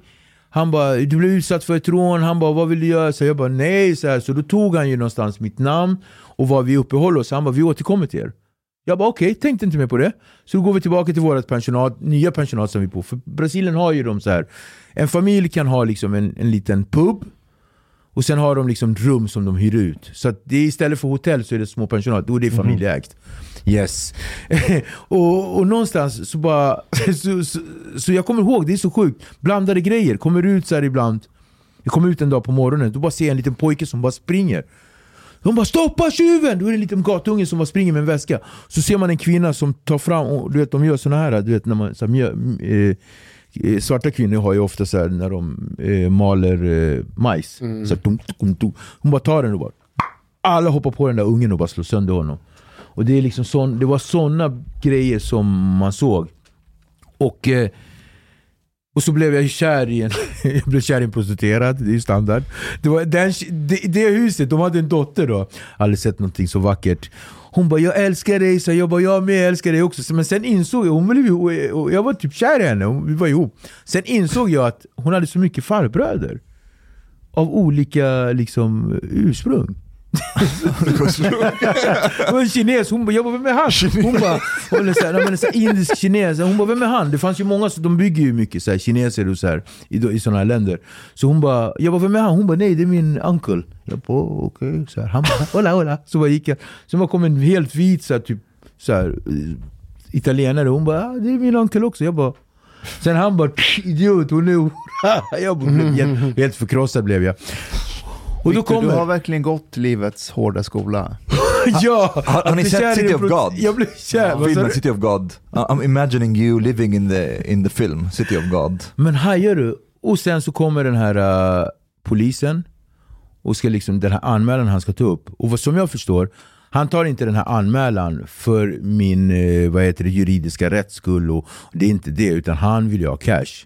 Mhm. Så han kommer så han bara signor, eh, han bara okej, eftersom han har ju sett mig med en vit. Han bara, vem är din vita polare? Jag bara, nej det är någon snubbe, jag vet inte, han heter hit och dit, höger, vänster. Han bara, och du då? Hur har du, han bara, du mjölkar han på pengar va? Jag bara, nej jag är svensk. Han, Käften. Han bara, han bara, ja ja ja ja. Men vem är din vita polare? Jag bara, jag är svensk. Jag bara, Sweco. Han bara, får jag se på ditt pass? Så jag tar ju fram mitt pass, du vet. Han bara, mm. Hur kom du in hit förresten? I landet? Jag bara nej! Jag bara körde min story direkt som jag berättat för alla under de här månaderna. Jag bara nej, jag träffade några svenskar i Kap Verde. Sen vi kom hit, sen du vet, jag vill inte berätta för mycket. Men i alla fall hit och dit, höger, vänster. Han bara ah, okej, och, och vilken stad kom, alltså hur kom ni liksom? Jag bara nej, vi kom in i Belém där och sådär. Han bara okej, vad är din stämpel då? Ja, nej, sen han bara vad heter båten? Jag bara jag vet inte. Och det kom jag på, båten hade inte ens ett namn. Alla båtar måste ha ett namn. Jag kom på det också. Jag bara, just det, jag vet inte. Han bara, vad är din stämpel in i landet? Jag bara, jag har inte. Han bara, okej, hur länge har du varit här? Jag bara, jag har varit här sen, eh, och då, sen typ februari. Han bara, okej, och nu är vi inne på juli. Juli? Ja. Han bara, så du har varit här i typ ett halvår? Och, jag, och nu har jag, jag ändrat karaktär. Från att ha varit i Kap Verde där man blev som Kap Verde. Men har jag- vänta, har du inte kontaktat din mamma alls? Just det, det var där glömde jag berätta. när, jag kommer till, när jag kommer till Fortaleza så bara tar jag upp luren. Jag bara, ja det var inte en sån lur på den tiden, det var en sån här i väggen. Hallå, det är Almeida? Är min mamma. Hallå, är Almeida? Jag bara, hej mamma. Nej det är inte jag, det är jag. Det är inte hon, det är jag. Det är min lillasyster. Hon var typ, gammal var 12 typ. Vad är det? Hon bara, hon bara, jag bara, det är Viktor. Hon bara, aha, vad är du? Så jag 12 år. Jag bara, nej men jag är typ i ett annat land. Hon bara, det har jag ju förstått. De tror du är död. jag bara svär, hon bara, ja, de har typ efterlyst dig så här, typ, så här, överallt och de har gjort en, en minnesstund för dig typ för, något, för ett halvår sedan. Jag bara svär. Jag bara, får prata med mamma. Då går hon och säger så här som barn är. Så här, hon bara, mamma, här det är Viktor. Mamma bara, va, va, va? Det är Viktor. Hallå? Hon bara, eh, Matilde? Jag bara, hej det är jag. Hon bara, bildligt talat. Hon svimmar. Typ, och så, Mamma har tappat sig min syster. Hon. Sen så väcker hon så, och så, säger, så är min styvfarsa, han bara hallå? Jag bara hej jag är... Så han bara vad är du? Han bara hallå vad fan har du hållit hus? Men nu har det alltså, det här är alltså... Det är alltså tre, två veckor efter när jag... Förstår ni? Det är alltså Ja. två veckor. Han bara vad fan har du? Vi har, vi har försökt dig i två veckor och de har typ haft en minnesstund. De tror du är död idiot. Vad fan är du? Vem, vem är du hemma hos? De tror fortfarande jag är kvar där. Jag bara nej jag har tagit en båt, jag är i Brasilien. Han bara han bara, han säger till min mamma, han bara, han är i Brasilien. Hon bara, ah. jag bara, kan ni hjälpa mig hem? Hon bara, vad sa du? Kan ni hjälpa mig hem? Hon bara, hej då. Shit. Så la morsan på. Jag bara, hur kan hon? Efter allt jag gjort mot henne. Hur kan hon? Så hon bara la så här. Då är det sjukt. Hur lång tid tog det innan du kom hem från Brasilien? Ja. Och då är vi tillbaka i den här grejen. Mm. Då han bara... Eh, han bara... Han bara visste inte Polisen, Vad, ja, alltså. han visste inte vad han skulle... Han var ju så färsking snu, alltså ung typ. Så han var så här, han bara det här är så här, det var inte det här jag skrev under. Han kom hit för att tjäna lite cash, få lite extra pengar. Sen det här var värsta fattiga luffaren. Och sen den där rödhåriga, han är inte ens här. Så han bara no win situation. Så att han ringer, han bara du måste typ följa med. Så de tar med mig till eh, till någon kvartell som det heter för poliser där jag sitter. Så börjar de kolla och så kollar, går han kollar in i vad heter det, den staden. Och så ringer de till svenska konsulatet för det fanns ingen liksom, nu är jag i Belém igen förlåt. Så då kollar han, det fanns liksom ingen, vad heter det? Ingen ambassad utan det fanns bara ett konsulat. Och då kommer signor Joakim som han hette. Och han bara hej hej och då kollar de vem jag är. Alltså en Joakim från Ja, Sverige. nej, han heter Joakim. Aha. Det är hans namn. Han bara, eh, jag pratar bara portugisiska, men lite svenska. Jag har, du vet, men vi ska ringa en kvinna imorgon. Du måste se till så att... Nu blev ju han som min gode man. Så han tog hand om mig liksom så här. och, och liksom ringde till svenska ambassaden i en annan stad. Jag kommer inte ihåg vilken det var. Om det var faktiskt Rio eller något. Hon bara hej eh, Annika, hon bara men vänta jag har typ badat eller någonting så här. Hon bara hej och så bara pratade hon med mig och då kunde hon bekräfta att jag pratade riktig svenska. Det var ju det som var grejen. Och under den här tiden så åkte en polisman ända till den där lilla hålan som jag hade varit och fick bekräftat den här storyn att jag hade kommit in. Så då kom han tillbaka. Det här, allt det här tar några dagar. Men jag är fortfarande i, i den här, vad heter det? I det här eh, bo, boendet. Ja. Och så en dag så säger de till mig, de bara du måste följa med oss här. Ah. Så då tar de med mig, så då låser de in mig i en cell tillsammans med 18 stycken små grabbar. Och jag bara, "Usch." Så jag sitter där i, vad är det, sju, sju och en halv dygn. I brasilianskt eh, ungdoms, eh, ja, ungdomsfängelse. Och det är en av de flummigaste grejerna jag varit med om. We have we have had very different Brazilian trips, but continue. Det var helt sjukt. Så då så, så var jag där och de, eh, efter två timmar så insåg de att den här killen måste liksom vara på ett eget... Där. Att jag, jag, blev, jag var inlåst men jag var tvungen att vara på en egen area. Så att de, ska, de gjorde liksom en egen cell bara så att jag, så att jag inte skulle bli typ Slaktad. Ey, de tog mina skor direkt. Han bara dame chapatos. Han bara ey, och så, du vet, då hade de så små hål också i marken där man skulle skita. Så det var så helt sjukt. Och jag fick, du vet första natten, du skulle, när det första, då sa de så här, du ska sova där. Så då fick jag sova mellan så här, två latriner. Och jag var så jag bara bo! Alltså det var helt sjukt. Så efter två timmar, de bara nej nej nej, nej du får inte. Så då skaffade de ett utrymme för mig. Fick jag vara där och det här var ju mer som ett straff för att jag var i landet olagligt. Så jag gjorde alltså sju dagar för att jag hade, vad heter det? Smugglats in dig För att jag smugglat, jag har kommit in, att jag var där illegalt. Lång historia kort va? Den har varit lång. Eh, Svenska konsulatet valde, svenska utrikesdepartementet eh, lånade mig 18 000 kronor till en flygbiljett. Så de köpte den dyraste flygbiljetten hem. Eh, första omgången missade jag planet med typ en halvtimme. Bara, Alltså, alltså biljetten kostar inte 18 000. utan Nej, de den- köpte flera biljetter. De köpte två biljetter. Så, och så nästa... De köpte tre, förlåt. Och så nästa så gav de mig pengar för att köpa en ny biljett. Då gick jag och slösade de pengarna. Och så tredje så sa de så här, vi köper en biljett åt dig och så får du bo på konsulatet. Men Sverige alltså. Slöseriombudsmannen skulle ha... First time sen så misses, fick jag- second time spends it. Yes! Jag yes. fattar inte, du kontaktade dem. Ja. Varför missar du planet och varför, varför slösar du bort pengarna? För det gången? första, för att jag var så jävla bränd. Och, och jag var som en jävla bortskämd snorunge. För att jag trodde att allting gick att lösa. Och då är det lite som svar, eller liksom återkoppling på det du sa från början. Det här med SOS och hur man curlade mig. Hur jag egentligen borde faktiskt fått riktiga konsekvenser. När jag gång på gång hamnar liksom inom socialtjänsten. Eh, kriminal, inte kriminalvården eftersom jag var alltid under 18 så att jag fick ju liksom inga sådana påföljder. Men det var hela tiden att jag fick fortsatt skyddstillsyn eh, under socialtjänsten, speciella föreskrifter, eh, ett samtal i veckan med, med den. Och det var så här, Viktor, man curlade, men Viktor det kommer gå bra bara du gör, alltså, du vet det var bara, alltså, jag bara liksom Tänk om hela den här båten och Sean och den där nigerianen och guineanen och alla de här. Att allt det här var egentligen SOS som hade iscensatt det.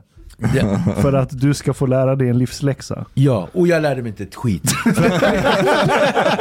och jag lärde mig inte ett skit. För att summa summarum var att när de gav mig allt, alltså först köper de, första gången får jag ju jag eh, du- flygpengar.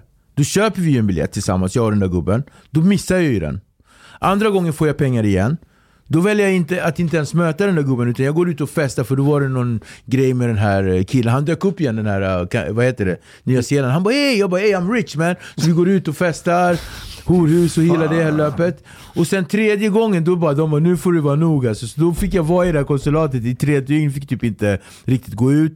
Och så liksom han hade mig, han tog med mig hem till sin familj. Bara kidnappade han känslomässigt. Och så jag bara satt med han och hans familj och hans dot- dotter och du vet, satt och åt mat och han bara imorgon åker vi. Och så fick jag med mig på plan, planet och så flög jag direkt till Frankfurt. Jag kommer ihåg hur jag går på planet. Bara en massa tyskar. Och de bara Och jag verkligen kände den känslan att de här vill inte åka samma plan som mig. Alltså. Det var bara en känsla, det behövde För inte att du var så. svart eller för att du var svensk? Förmodligen för att jag var Det var väl svensk. mycket ovanligare på den tiden också. Att svarta flög. Nej, men att...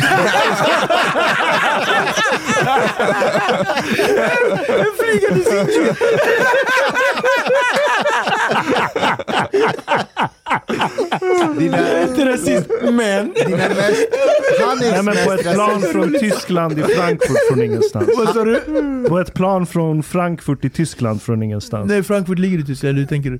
Nej men var, var du den enda svarta där? Då? Ja, ja jag det var säger inte ju. så som ja, jag säger. Men det, ja, du har ju rätt. Det var så. Ja. och jag bara hamnade, och du vet, jag var ju inte så här en proper svart man heller. Jag var helt gråfnoskig. Och jag kommer ihåg, jag hade afro, min mustasch var helt oreglerig. och, och, och du vet, och jag hade så här tonårsfjun som skägg och så hade jag någon, så här, någon vild som Bob Marley t-shirt. Som, och, alltså, jag såg ut som värsta jävla luffan alltså. Jag bara gick in och bara pratade svenska också. Så här, helt så här. Ja men vadå, kan man inte liksom, vad ska man sätta sig? De bara signor, så, så, och så var det en sån här, du vet, det är tysk plan också. De bara Achtung, Stein och Mein och. Och jag bara ja, deutsche språken nicht, eh, svenski. De bara käften idiot. Så satt, så satt jag med en skitfet turk som bara, åt, nej vad heter det, tysk. Som åt ölkorv och bara kollade på mig så grymt hela vägen. Och jag bara satt där liksom. Han var orolig Och jag att kommer du ihåg, skulle sno hans jag kommer ihåg boken som jag läste också, Lammen tystnar, glömmer jag aldrig. Liksom på svenska. Men hur som helst, och så kommer jag till flygplatsen och då är det liksom två köer. En kö för, eh, för EU-pass, och det var, det var ganska nytt också, den moden. Och så en kö för de som typ inte har EU-pass, the, the rest of the world. Så att jag gick ju sy- Så direkt... alltså en vit kö och en svart kö. Det var exakt det, men jag, eftersom jag är PK, yani, så, så, så lägger jag den så. Men då var det en kö med alla vitingar som stod där och, och sådär. Och så längst fram så stod en vakt med någon schäferhund och han... Och det här är kön. Alltså den, och den här kön är ganska så här, den är ganska städad kö. Den är så här rak och så någon vilsen väska. Någon hänger på snedden, men det är inte mer än så. Så jag ser ju liksom, Det är ju tyskar. jag ser hur han liksom så här. Och sen den andra kön, det är så här somalier och allt vad det heter. Och det var den tiden, och det var ju då också det var den här somalieboomen. Det här är ju 90, Right. 94. Så att det var det. skitmycket somalier och de så här helt ramsneda. Och de så då var det någon som, han bara Nej, nu är såna fine och hejs är. Ah, Typ okej. sådär, han menar gå härifrån, gå och ställ dig där. Jag bara shit. det- Så det började bli tjafs. Och de, liksom, så när jag kommer fram, då, då kollar han på mig så här, han bara kom. Så då kollar de mig vad jag hette och då, jag fastnade jättelänge. Och då liksom fick jag säga mitt personnummer, jag skulle säga det baklänges. Det var skitskumt. Vem gör det? Jag bara, eh, ni, va? Så här, och han bara, ey! Och så hade den där hunden som också inte gillar svarta killar. Så det var skitskumt. också på att du sa det fel baklänges. Hunden bara ey, vad är det för osmart snubbe? Lång... Så, här, så då fastnade jag och det slut, vad slutade det med? Jo, att jag blir återförsenad så då kommer jag, så då är det såhär, Signor Victor, Victor de Almeida, du måste komma till gate bla bla bla och du bara, bara sprang till tåget, eller förlåt, flyget och så kom jag in på SAS flyg. Och så kändes det ändå inte som hemma, för alla bara 'Vilken jävla idiot alltså, vad fan, jag vill hem' liksom. Ja, Det. Så satt jag med någon rofferuff här bredvid och skitlack, han bara 'Du får fan passa tiden grabbjävel' Det första höra. och så bara öppnar en sån här Vasa knäckebröd, du vet som sådana som är i. Bara, och jag bara okej, nu är man hemma. Så kom jag hem. Och den där skulden, den hade jag jättelänge. Så det var en av mina, alltså du vet innan... För flygbiljetterna. Alltså, ja, ja, så det, det var alltid så här, under många år sen när man hamnade på kåken och sådär. Han bara, har du skulder? Jag bara, jag tror att jag är skuld. Så kollar han, nej du har en skuld till utrikesdepartementet på 60 000. Och liksom, den bara tickar på. Så, de, så att, Har du betalt den då? ja. Jag, är rätt- jag är ju rätt för mig. Till slut. I slutet av dagen. Blev skuldfri för en månad sedan. Shit, vilken, vilken story. Shit! Hur reagerade din mamma då? När hon... Nej, men min mamma pratade inte med mig ordentligt på jättelänge. Det, var, det blev jätte... Men det var så mycket annat som vi hade. Så att liksom, och sådär. Jag kommer från en dysfunktionell familj. Eh, min mamma flyttade till Sverige eh, innan mig, så hon lämnade mig på Kap Verde när jag var ett litet barn. Så att vi har ju redan en relation där liksom. Men varför flyttade hon till Sverige? Jag ska berätta. Kap Verde var som jag berättade självständighets, eh, under självständigheten. Och min mamma jobbade, så då fanns ju en gerilla för självständighet. Och min mamma jobbade inom den gerillan. Vänta nu, fan. En typ en mujahedin. Ja. Ja. Så det finns ju bilder på, alltså min mamma har ju mig på ryggen i en sån här knyte. Som man har, och sen så liksom var hon kokerska och så hade hon en kalasjnikov. Mhm. Och hon jobbade liksom, så att det är liksom... Hardcore. Va? Hardcore. Ja det var hardcore, och jag föddes med salmonella. Det är en magsjukdom. Vet väl kanske alla. Men, så jag började ju gå väldigt sent i livet. Jag började typ gå när jag var nästan tre år gammal. Oj. Så jag höll ju på att dö flera gånger. Och eh, Sida, svenska Sida, eh, hjälporganisationen, var ju, opererade i de här länderna under de tiden. Det var ju liksom, ja men du vet, självständighetsländerna. Och en person som jobbade inom Sida var en kirurg som heter Sven Aschberg. Han och hans fru jobbade där och de blev väldigt goda vänner med min mamma. Och på den vägen så bestämde sig, han bara fan jag skulle fan vilja hjälpa dig och, och liksom fixa ditt liv. Sa han till min mamma. Min mamma var en ung kvinna med liksom ett barn och liksom så här. Så att Hon var inte tillsammans med din pappa? Nej, nej, nej. Det, liksom, det var ju aldrig något så. Okej, ja. Utan, och sen så i slutet av dagen så resulterade det i att min mamma tog ett beslut att lämna mig med min mormor. Och åka till Sverige för att sen komma tillbaka och hämta mig.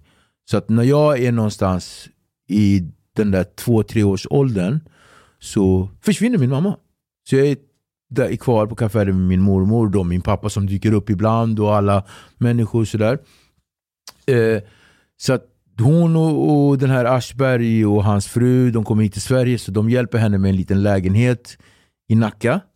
En sån studentlägenhet. Eh, Kunde vem som helst flytta från Kap Verde till, till Sverige? Ja, apparently. Om liksom det finns någon som, det kan man ju liksom fortfarande men man måste kanske, det kanske väl en längre process idag. Okej. Du måste väl kanske ha, ah, jag vet inte men, Var det någon Hur- kvotgrej eller? vad sa du? Det var ingen kvotflyktingsystem eller sånt? Hon kom ju inte som flykting. Nej. Aha. Nej. Okej. Min mamma kom ju liksom som deras eh, gäst eller vän. Så, alltså, Ja, ja, ja. Men på något sätt så, så, så min mamma var borta ett tag, så mitt första minne det är att jag, jag är, mitt allra första minne är att jag är i, i ett rum, det ligger en, eh, det det sitter en massa män och spelar, de är svartklädda. Jag minns en som har liksom så här keps, spelar. Och så ligger en kvinna på en brits och hon har så här bomull i näsan. Eh, hon är död. Och i våra länder, när, det är, när man dör så har man liksom för att eh, man Ja, men liksom förruttnelsen så att man stoppar bomull i olika, alltså på ställen så att det inte ska lukta snabbt. Och man kör ju ofta minnesstund i en, Aha. två dagar innan man begraver dem. Men man gra- begraver dem väldigt snabbt på grund av värmen. Eh, så att hon ligger där på britsen och det är den här, den, min mormor den här. Och sen så ser jag ett par, två stora tjocka ben som kommer in. Och jag vet inte om ni tänker Tom och Jerry. Den här mamman i Tom och Jerry. ja. Så där ser jag två tjocka lår som kommer in och någon som sätter sig på huk och så säger han så här, hej, nu ska jag ta med dig till Sverige. Jag vet ju att ditt liv i Sverige har ju varit lite eh, krångligt också. Alltså, eh, även när du kom hem från Kap Verde där. Mm. Så ehm, vi har ju en del gemensamt, alltså egentligen. Svär. Jag är ju jag är från Afghanistan och du har... Nej, men lyssna. Sen- vänta, vänta. vänta det är ingen som har gemensamt. Det kommer, det kommer. Jag är från Afghanistan, jag vet att du har rökt en del rökheroin. Vi är bröder. Opio var ju min favorit men det... Det var kunde, så? Ja men jag, jag kunde aldrig bibehålla. Men, men absolut, jag var heroinist. Jag var heroinist i 23 år, sprutnarkoman i 16. Fan, det är helt sjukt hur du har överlevt. Alltså, Ja, alltså vad är det de säger? Jag jobbar idag som terapeut.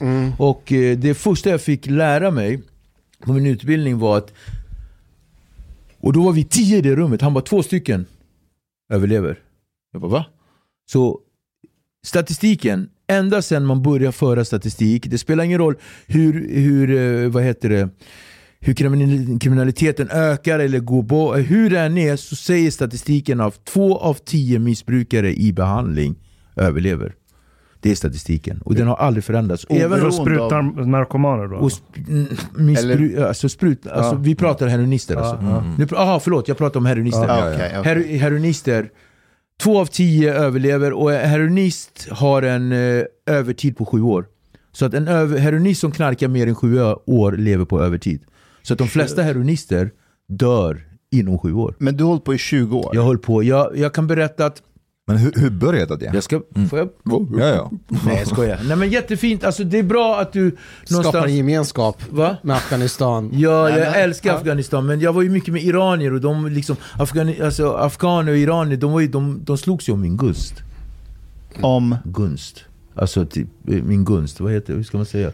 Alltså typ, det var ju liksom, det var, man skulle, jag hängde ju mycket med iranierna men afga, afghanerna var ju, de var ju på den tiden, och afghaner idag, det är liksom annorlunda afghaner än vad det var förr tycker jag. För att de afghaner jag var polare med förr, de var ju så här, ja, alltså det är en annan aura. Idag är afghanerna idag, de är helt järn. De var du måste förstå, vi dödar direkt. Förr i tiden, de känner mer integrerade afghanerna som man hängde med. men vet du vad som är grejen? De kom oftast med familjer då. Ja, så det kändes fanns mer- en så social kontroll. ja men precis. Idag kommer de själva eller har kommit själva. Mm. Och det är, så här, det är ingen som ser efter dem. Mm. Så att eh, mina afghanska polare, alltså, i- förr i tiden sådär och, och så, det stämmer. Det var mycket, vi rökte mycket opium och sådär. Men eh, jag, eh, när jag kom hem, och det är precis vid den skarven, det är bra att du plockar upp det. Precis när jag kommer hem där så blir ju inte saker mycket bättre. Utan då var jag verkligen såhär, nu, du kände, då hade jag ju liksom levt. Och liksom, eh, jag satt min första volta. Jag fick ju göra den här, eh, det här straffet. Eh, de här tre månaderna som jag fick. Eh, och jag hade ju liksom någon, någon eh, vad heter det, eh, någon cred också. Eh, jag hade ju liksom gjort ganska mycket grova grejer.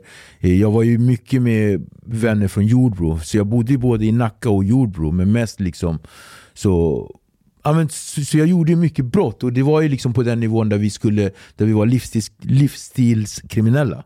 Man, man gjorde smash and grab, man rensade eh, klockaffärer, man, det var mycket pengar, man köpte feta bilar och liksom, vi hade ju liksom den här flashiga livsstilen. Eh, så jag hade en ganska bra cred när jag liksom åkte in på min första Volta. Och sen när jag var 20 ungefär, 1994 den 14 februari, så bråkade jag med min tjej. Och jag bråkade med min tjej och så satt vi i en lägenhet och så var det en polare till mig som tog upp liksom foliepapper och så hade han liksom en svart kåda på.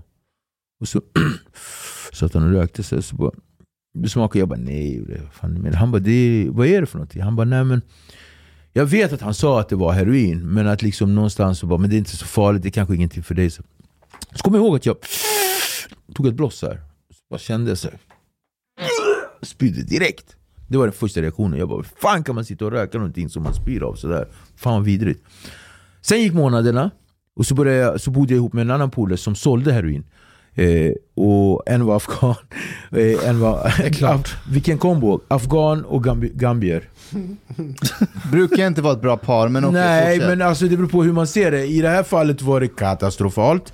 Eh, och de sålde heroin och jag var yrkeskriminell så det jag gjorde det var att jag klättrade i fasader, jag, jag liksom sprängde bankomat, alltså nu vet sådär. Och så brukade jag alltid komma hem och så satt de alltid och spelade kort och rökte hårs.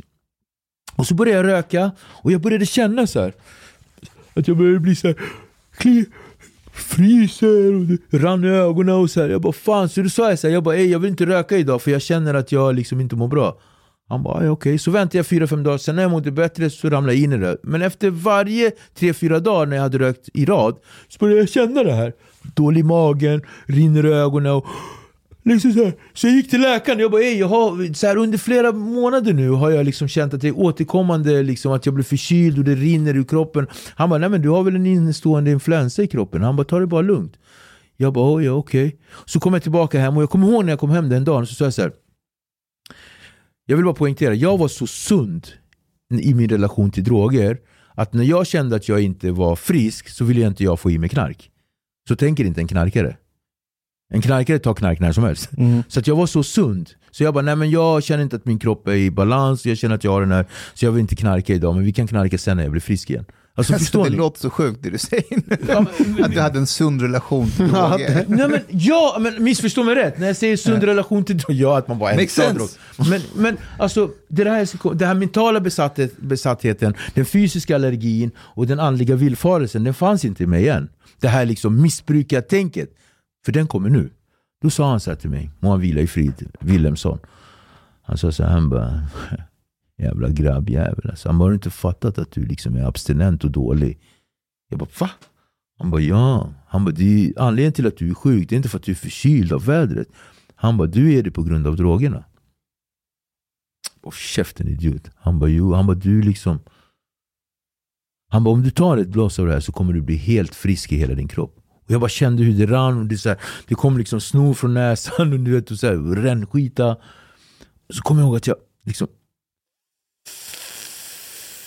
rökte den där och så liksom bara kände jag den där draken och bara kom in i min kropp. Det blev så varmt och jag har aldrig känt det sådär. Och det kändes som att hela universum gav mig en stor kram bakifrån. Jag bara kände mig helt fulländad. Efter den gången blev jag torsk. Men jag måste fråga dig, det är inte första gången du röker heroin. Nej. Men så varför först- kände inte du dem... Nej, för att det är första gången mitt medvetande blir medveten om att det här är det som kommer få mig att må bra. Så att en person som är missbrukare utan att vara medveten om att det här är det som tillför någonting gott, utan bara känner det kan fortfarande gå omkring i en villfarelse, alltså i en, i en förnekelse om att han är missbrukare. Men när man den dagen, alltså många missbrukare säger så här, de vet exakt när de blev torsk. De vet exakt. Då kan man ha hållit på laborera och provat i kanske fyra, fem, alltså till och med år. Men den dagen deras, liksom, det blir den här kontakten, då är man torsk. Sen finns det de som första gången direkt. Men jag säger det, heroin är en sån helvetesdrog att den dagen du gifter dig med heroinet så är det svårt att liksom skilja dig från heroinet. Jag har ungefär haft 20 12 stycken dokumenterade överdoser. Och då är det liksom hjärt och lungräddning och fått Narcante och fått Narcante och issprutor. Alltså jag har ju liksom, du ser alla de här ärren. Här liksom är, det är liksom, de fick skära upp för att sätta liksom nålar och nu vet det, bara vakna upp liksom. Från så- Pulp Fiction där. liksom, och så sa hon så här Viktor, du har just dött, liksom ligg kvar. Och jag bara Åh, ni pajar mitt flum! Och så bara ut och så från sjukhuset och bara dra av de här slangarna och bara spruta blod. Och bara ta mina grejer och bara går iväg. Och de låter en missbrukare gå iväg på det sättet. Utan att liksom ge dig ett omhändertag, alltså omedelbart Vad omhändertagande. borde de ha gjort? Alltså tvångsvårdat? Tvångs, alltså LVM direkt. Liksom. Men eh, sista veckan i mitt missbruk tog jag nio överdoser.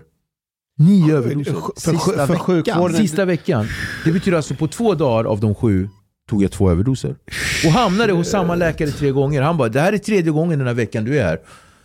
Eh, funderar inte du på att göra en behandling? Jag bara, nej det är lugnt, jag fixar det här. Han bara, okej men jag vill att du ligger kvar här till imorgon i alla fall. Liksom så att vi kan få kolla dig. Så drog han, jag bara går upp, tar min säck och bara drar iväg. Och, liksom så här, och jag kommer ihåg hur jag går längs väggen också, helt så här. Så här liksom. För att det som händer med en missbrukare eller en heroinist när man får en överdos, när man tar, förlåt, man får aldrig, man tar. Och du får i dig något som heter Narcante, då är det att det tar bort allt knark ur kroppen. Och det blir att du blir abstinent direkt. Och det finns ingenting jobbigare än att bli abstinent. Att bli abstinent är som att ha en influensa 10 000 gånger om. Jag kan inte förklara. Det är att du fryser, du svettas samtidigt. Du går och lägger dig och du svettas. Du måste ha en handduk för att du fryser. Och du gäspar och du kan inte äta och det är rännskit och man tror att man ska dö. Och det är liksom är, du vet, tusen nålar i armarna. Jag kan inte förklara. Hur länge håller det där på innan det försvinner? Fem dagar håller det på intensivt, sen så liksom byter den, sen går den ner mer och mer. Så att man måste liksom någonstans hålla ut i ungefär 5 till 10 dagar. Och när det fysiska är över, då antar jag att det mentala Då kommer, sen. och den sitter i kanske två, tre månader. Sömnen tar en, en sju, åtta veckor innan du får en hel natts sömn. Det är också det jobbigaste, att inte kunna sova. Liksom bara ligga så här. Och du får insom, eh, vad heter det här? Inte insom, det heter ju någonting som Christian Bale har i det här i Memento. Alltså det är alltså, man hamnar i någon sån här, Den heter, filmen heter Insomnia. ja den heter Nej, så. nej. Den heter Memento. Nej, nej, memento där. Med Guy Pearce. Ja, Ja, det är Guy Pearce menar ja, jag. ja, är. Men Christian Bale är med i någon film där han liksom inte... Är, är Ja, Christian Bale inte- Insomnia. Ja, Insomnia. Ja. Okej, det är två olika filmer. Ja, ja. Han är inte med i Insomnia. Insomnia är med han det är som med Al tog livet. Pacino och Robin ja. Williams. The Christian Bale had another movie also where he was like super Mechanic. thin. Just the mechanic, The the Mechanic. mechanic. The Ja, Mechanic. ja, ja. ja. The Machinist. The Machinist. The Machinist. Okej, ja. Mechanic, det är ju med han, eh, Transporter-killen. Vi bara killgissningar. Men så, så fattar du, så att då blir det ju att du hamnar i ett, i, vad heter det, liksom någon form av delirium hela tiden. Tillstånd där allting är så här helt snurrigt. Och liksom, och, och, och, och man är i som, som björnar är i. Man är som, som att man är i ide. Man, liksom, man ligger bara så här rävsover. Och det är skitjobbigt. Eh, och avtändning på, och jag vet inte hur många avtändningar jag har haft. Och oavsett hur jobbiga avtändningar har varit, det första man gör när man liksom är lite frisk igen, gissa vad det är? Det slår i sig mer. Och min första liksom relation till heroin, det blev den dagen. Där på Film Angelsplan 1994 i Hammarbyhöjden. Efter det var jag torsk. Jag gjorde vad som helst för droger. Jag, jag har vaknat upp eh, i en bil tillsammans med en tjej, kompis. Och liksom så här bara vaknat och hon bara legat helt blådöd. Liksom. Och, det Nej. första, jo, och det första jag gör det är att jag går ut och skaffar mer knark. Sen ringer jag efter hjälp. But but do you think like something like Switzerland for example, like uh, då, jag, jag tror att de har kliniker där, där man kan ta droger. Mm. Det har de i Portugal. Ander- Danmark ja, också, i? Portugal Jag var i också. Portugal, när jag var i Portugal, min sist, näst sista avtändning, eller så här, så var jag i Portugal och då stod vi liksom i en kö. Eh, och då så fick man ställa sig i den kön. Och så fick man ha sitt lägg och allting med sig. Så hade de som en lucka, precis som vi har här vid vårt... Så, här. så fick man stoppa i sin arm. Först så skriver man i, stoppar man i sin arm så slår de i dig. Och sen får du sitta i ett väntrum i 40 minuter så att du inte tar en överdos, sen får du gå. Men det är inte deras- bättre då? Ja, Är det deras grejer? Nej, Alltså- det, det är läkarnas. Det är de som har det. Ja, man tar inte med sig, man tar inte med sig eget Ja, heroin. rena. Det är inte knytkalas. Det är, jag fattar. Alltså, det, hade, det jag menar, det hade inte varit schysst om... Eh, det är, om det är, pure, det är eget- pure shit. Det är Ja. good stuff. I, I Portugal, ger de... I thought Det vet they jag give inte. The, I, thought they give the syringes only. Nej, det gör de i Sverige också nu. Utan det här var ju liksom den politiken. I Portugal får du ha fem gram heroin i fickan utan att det blir bestraffat. Alltså de har Mm. avkriminaliserat det på det sättet. Eh, Vad heter det? Det var ju någon högsta domstolen har kommit fram till ett beslut i Norge. Mm. Att de har nästan fattat samma beslut i Norge nu. Mm. Där man får ha eh, under fem gram heroin Mhm. och amfetamin och allting. Mm. Men Sverige är sämst när det gäller eh, drogpolitik. Har lagen hjälpt dig att bli av med ditt missbruk? Lagen. Svenska lagen? Att det Nej. är Eller förbjudet? systemet. Eller, Systemet, nej alltså jag... Ja, Ta- inte- tackar du Morgan Johansson varje dag för att du är fri från droger? Absolut inte. Svensk narkotikapolitik, jag vet inte om jag ska... Alltså, men jag, jag tänker att missbruksbehandlingen var väl kanske bra jätte, jättelänge sedan. Och då var inte jag ens mottaglig för behandling. Ja, det, det är svårt. Jag tror att vi, det är mycket curling i Sverige. Du var sprutnarkoman var det, i 16 år. Hur, hur, hur många av de åren kunde du vara funktionell i början? Att du kunde ändå göra det du brukade göra på dagarna? Alltså var det perioder eller var det... Periodare, man kan inte vara halvt gravid kompis. Man har Nej, jag förstår, men du Nej, höll men på... jag- hi- jag, jag har hållit på, ja men sen jag började knarka så slutade jag typ aldrig knarka förrän jag slutade knarka. Okej, om- och sen här uppehållen 16 när jag satt på kåken. Under de här 16 åren, hur ofta körde du sprutan i armen? i Varje veck- dag. Du, hur fan Men det, lever där- du? men det är det här jag menar också. Men sen måste, får vi inte glömma att det blev några avbrott. Men det är väldigt... Alltså jag satt ju också i fängelse. Jag gjorde några år i fängelse. Men det var ju liksom sporadiska. Nio månader där, tio månader där, 14 månader där. Så det blev ju sådana avbrott. Det som har räddat mig, på tal om din fråga, det är kriminalvården. Men det är inte Morgan Johanssons missbruks, alltså missbrukspolitik. Utan det är ju på grund av att jag på eget bevåg har liksom hamnat i fängelse för att jag har liksom velat finansiera mitt missbruk. Så att Så det är avtändningen via fängelse som fick dig att vakna upp ur det? Ah, inte, nej. Det var det inte heller. För jag, på, jag började så fort jag blev släppt igen. Ja, okej. Alltså, du vet, en människa kommer aldrig sluta med sitt eh, beteende förrän han har bestämt sig själv för att sluta. När jag slutade knarka den här sista gången, eh, 2014, jag har varit ren nu i åtta år. Ja. Sen 2014, då hamnade inte jag på häktet eller någonting. Utan då stod jag, bildligt talat, utanför Sankt Görans sjukhus. Jag hade tre bollar, som det heter då, med, med heroin. Och så hade jag en med kokain. Och stod så här. Jag bara, vad fan ska jag göra? Och så bara kände jag så här, jag bara, nej. Jag är fan klar nu alltså. Jag bara kände det, det hände ingenting speciellt. Utan jag bara kände så jag bara, nej. Jag är fan klar nu. Blev det bara för mycket? Du var Jag bara, trött nej men du vet, du vet, jag bara, jag bara så här, Du jag, orkar bara, inte. jag, jag ryser bara när jag pratar om det. För att det, det, var, det var så starkt. Det var så här, min dotter hade sagt så här, men pappa du är så svår att älska. Du, du, alltså, du, är- du, alltså, det är svårt att älska dig. Och jag bara så här, jag bara, alla älskar ju mig. Väl? Typ hon bara, nej du är bara så jävla svår att älska liksom. Hur gammal var hon då när du slutade? Eh, wow, eh, min, min så, fuck hur gammal kan hon ha varit då?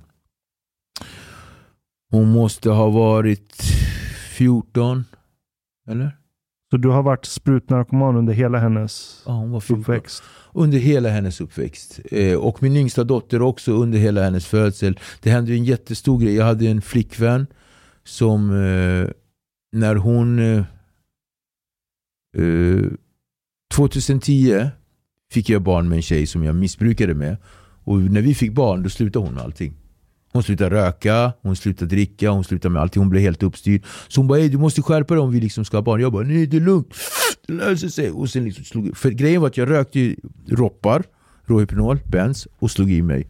Men jag drack inte för att min pappa var alkoholist. Så det var så här, jag bara alkohol är inte min grej. Hatar alkohol. Men jag var ändå så här, det var väldigt så här, ironiskt.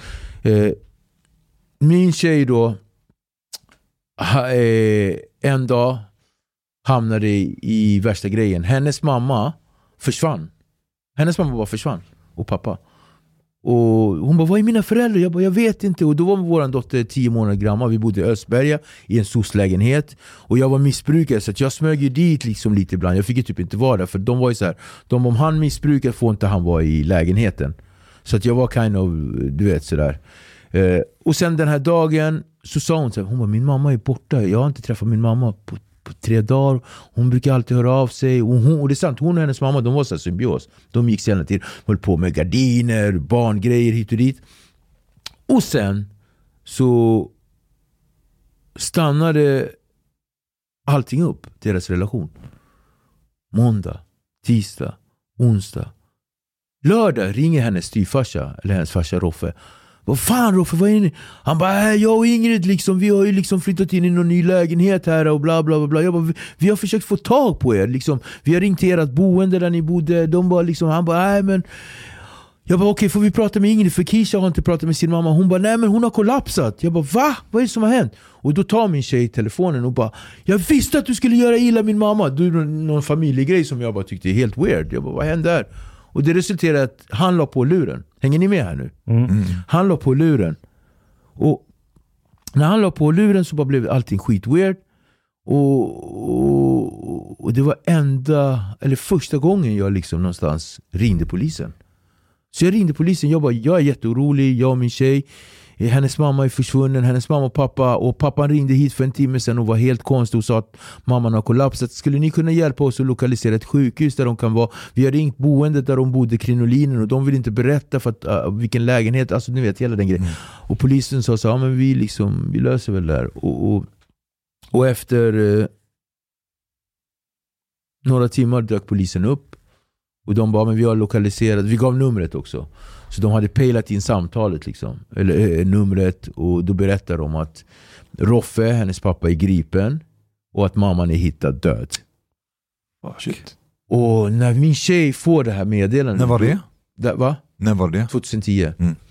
Då springer hon ut från lägenheten utan tröja eller någonting och bara försvinner. Jag bara, "Ey", och jag står där med barnet och polisen, de var så här, de var jätte, så här, den kvinnliga polisen de var jättetrevliga, den manliga också för den delen, men han var ju mer liksom så här, han var ju mer så här, liksom, Mer manlig. va? Han var fyrkantig man. Han var mer eh, fyrkantig, han bara okej, eh, vi kommer försöka se till så att det här löser sig. Så här. Och den här kvinnliga hon var så här, men ah, okej vad kan vi hjälpa med? Vi kan liksom höra av oss till socialtjänst. Ja men ni vet hela den grejen. Eh, Och han, de stack. Och de stack inte bara för att lämna oss i sticket utan de var så här, vi kommer återkomma. Och jag kommer ihåg att de ringde också. Så här, så för, hur är det? Så jag bara, jag bara inte hitta henne. Men sen hittade jag henne. Jag gick ut, jag hittade henne, hon satt liksom bakom en, eh, vad heter det, eh, ja men där, eh, nere vid någon gunga där och liksom helt blå. Tog jag upp henne. Och det resulterade i att hela den grejen gjorde att hon fick en lunginflammation. På grund av att hon sprang ut sådär. Ja. Och den lunginflammationen skulle kunna vara, inte vara det värsta i världen om inte det var för att hon hade en dålig tand. Och det betyder alltså, den dåliga, det har jag fått förklarat för mig efteråt, den dåliga tanden gjorde att kroppen hela tiden jobbade med en infektion. Och sen när lunginflammationen kom in så gjorde det att kroppen måste ju ta tag i det allvarligaste.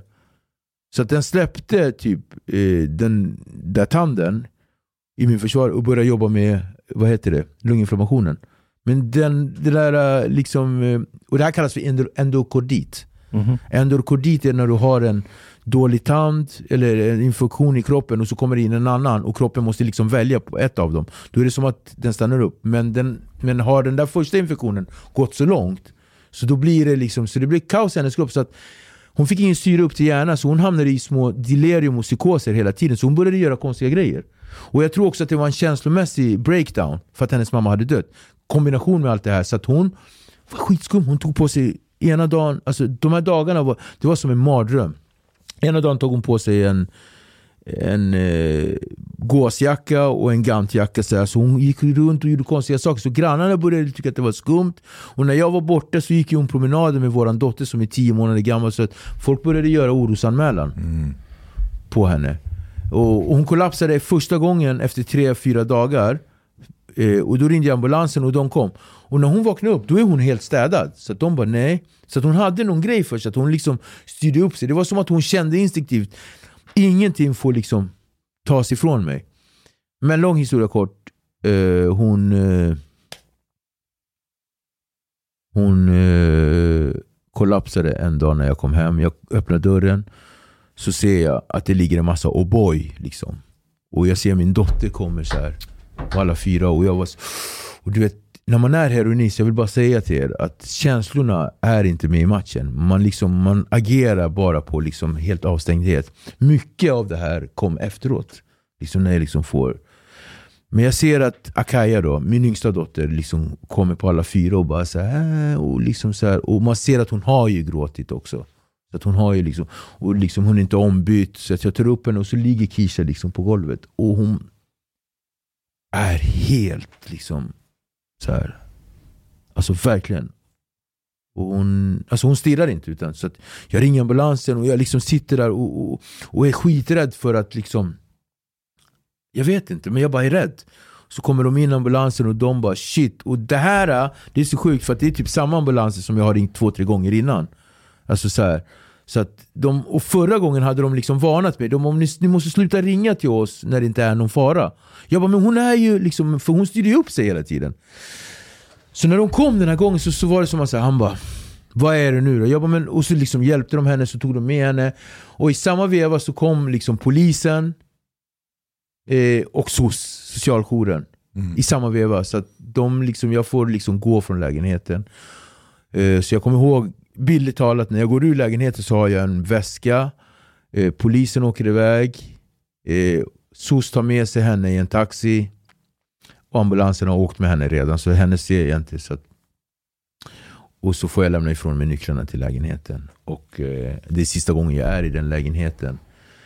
Och eh, Akaya blir omhändertagen, vår dotter. Och eh, Kisha hamnar i koma. Hon hamnar i ja, nästan sex veckors koma. Och jag får inte gå på sjukhuset. Jag försöker. Och liksom så här. Eh, de bara, nej men vi har fått från socialtjänsten att du liksom är en fara för henne och liksom så här och, och sådär. Eh, Kunde du ha kontakt med din dotter eller in, ingenting alls? idag eller då. Nej, då. Jag försökte, jag, jag liksom hörde av mig till dem. De bara, "Nej, men du får liksom komma hit. Eh, jag tror att en gång under de där eh, fick jag komma dit och fick jag träffa henne så här, så här på långt. Jag fick liksom inte, alltså det var så här, utanför McDonalds, Sveavägen, då stod den här socialkvinnan där. Och då också, under den här tiden så lämnade de över vår dotter till en jourfamilj. Under den här tiden. Kisha vaknade efter sex veckor och då har de opererat henne så de har bytt hennes hjärtklaffar. Hon hade ett är så. Och hon fick inga grisklaffar utan hon fick elektroniska klaffar. Nu är sådana som klick, klick, klick, klick, klick. Och under den här tiden så har eh, också Roffe hängt sig på häktet. Hennes pappa. Ja, så han hade hängt sig på häktet och det var diskussioner kring han hade fått ganska mycket stryk så han hade liksom på häktet gått omkring och skrytit om att han hade liksom slagit ihjäl sin fru och det var ju inte, ni fattar. Mm. Eh, Så när hon vaknar så är hennes lägenhet borta. Hennes dotter är omhändertagen. Hennes mamma är död. Och hennes pappa har hängt sig. Och det jag vill berätta om som hände med hennes pappa var att det som sägs då är att han, hon hade dött redan en vecka. Hon hade varit död i en vecka. Så han hade gått in i någon så delirium. Fylledille. Han var alkoholist och hon hade ju epilepsi också. Så hon hade ju, han hade slagit henne så pass mycket så att hon hade fått ett epilepsianfall och dött i toaletten. Och han hade liksom inte kunnat hantera det normalt så att han hade bytt kläder på henne i lägenheten. Eh, Så här, och duschat av henne, suttit och kollat på, vad heter det, olympiska, inte olympiska, vinter-OS. Eh, och ja men ni fattar. Så Ja. att han hade liksom Dark shit. Ja, det var riktigt dark. Och jag tror att det resulterade ganska mycket till att han till slut tog sitt liv också. För att de hade ju levt tillsammans i typ 30 år. Ja. Så att de hade verkligen. Så han, men de hade en väldigt mörk historia också. Eh, men hon tog sig tillbaka till livet, hon lärde sig gå igen, hon, blev in, hon hamnade på någon så här Saltsjöbadens, eh, inte pensionat men det är så här, du vet när man rehab. Så hon lärde sig gå. Det enda hon hade kvar var att hon hade en vänsterarm som var lite så här. Men hon, liksom, hon blev fantastisk igen, hon tog hand om vår dotter i de här fyra åren, jag fortsatte knarka. liksom sådär. Och sen så 2014 så valde jag att bli drogfri. Då kommer jag ihåg hur hon ringer mig. Det här är fyra år efter. Hon bara hej, så här, fan vad bra, nu kan man börja snacka med dig igen. Då hade inte vi snackat med varandra på sex, sex månader. Eh, hon bara shit, eh, då hade jag varit i Italien på behandling, jag hade varit i Portugal på behandling, jag hade gjort allting. Men så tog jag det här beslutet som jag snackade om. Att jag liksom någonstans, jag gick in på en avgift. Men vänta, Italien och Portugal, varför inte här i Sverige? Nej, jag har gjort behandlingar i Sverige också, men jag provade, det finns ju liksom något som heter Narconon som man kan göra en behandling utomlands. Och det är inte för att det är lyxigare, utan det var verkligen för att det, det var en behandling, det var arbetskollektiv. Så det var liksom, det var, men ja, jag vet inte, hjälp Förlåt, jag förstod inte. Ar- arbetskollektiv. Ja. Det heter eh, Dianova och La Patriark kallas det. det är Italien, italienarna hade en, en, en tanke om att missbrukare ska jobba bort sitt eh, beroende. Att man liksom hamnar på en gård där allting som görs, allt som, som liksom, allt handlar om arbete. Liksom. Allt från eh, maten som man äter och man säljer det Ett som... socialdemokratiskt helt Det är jävligt socialdemokratiskt. och det, det heter La Patriark, man kan kolla upp det. Och det, det finns en, det finns San Bernardino heter det, det finns ett helt, en hel, eh, vad heter det, ort, alltså det är en helt, de, det är bara för detta missbrukare, De, de 30 gör så med jihadister i Saudiarabien Ja, också. De? precis. Ja, de, eh, för att de, de har märkt att det går inte att avradikalisera dem genom att bara säga så här, hörni, ni har missförstått Koranen. Utan, Just listen to some... ja, jag med. Så de behandlar dem som missbrukare? Ja, då, basically. då gör de så att de, de skapar typ ett företag åt dem. They, gi- they give them an MBA. På Ja. riktigt? Ja, på riktigt. precis. Och så säger de så här, ni ska bara jobba, göra allting från grunden, odla grönsaker, whatever. Och så blir de CEOs och VD. Och, titles, CEOs. And, Fan Och det finns ju likadant, det finns kvar här, Basta-programmet heter det. Och det ligger i Södertälje, det är arbetskollektiv. Och de, de, den finns ju kvar. Det, det heter Basta. Så, att, så då tog jag ett beslut och så hamnade jag på ett behandlingshem. Efter fyra månader på behandlingshem, då ringer hon mig. Då har inte vi snackat med varandra på ett tag, så här, bra. Hon bara, eh, nu liksom, och hon har ju haft våran dotter hela tiden fram och tillbaka, eller fram och tillbaka utan så hon bara kom träffa mig i stan så här, liksom. Jag bara så här, och nu är nynykter, man fyra månader, man är fortfarande väldigt fragile. Man är liksom så här, du vet.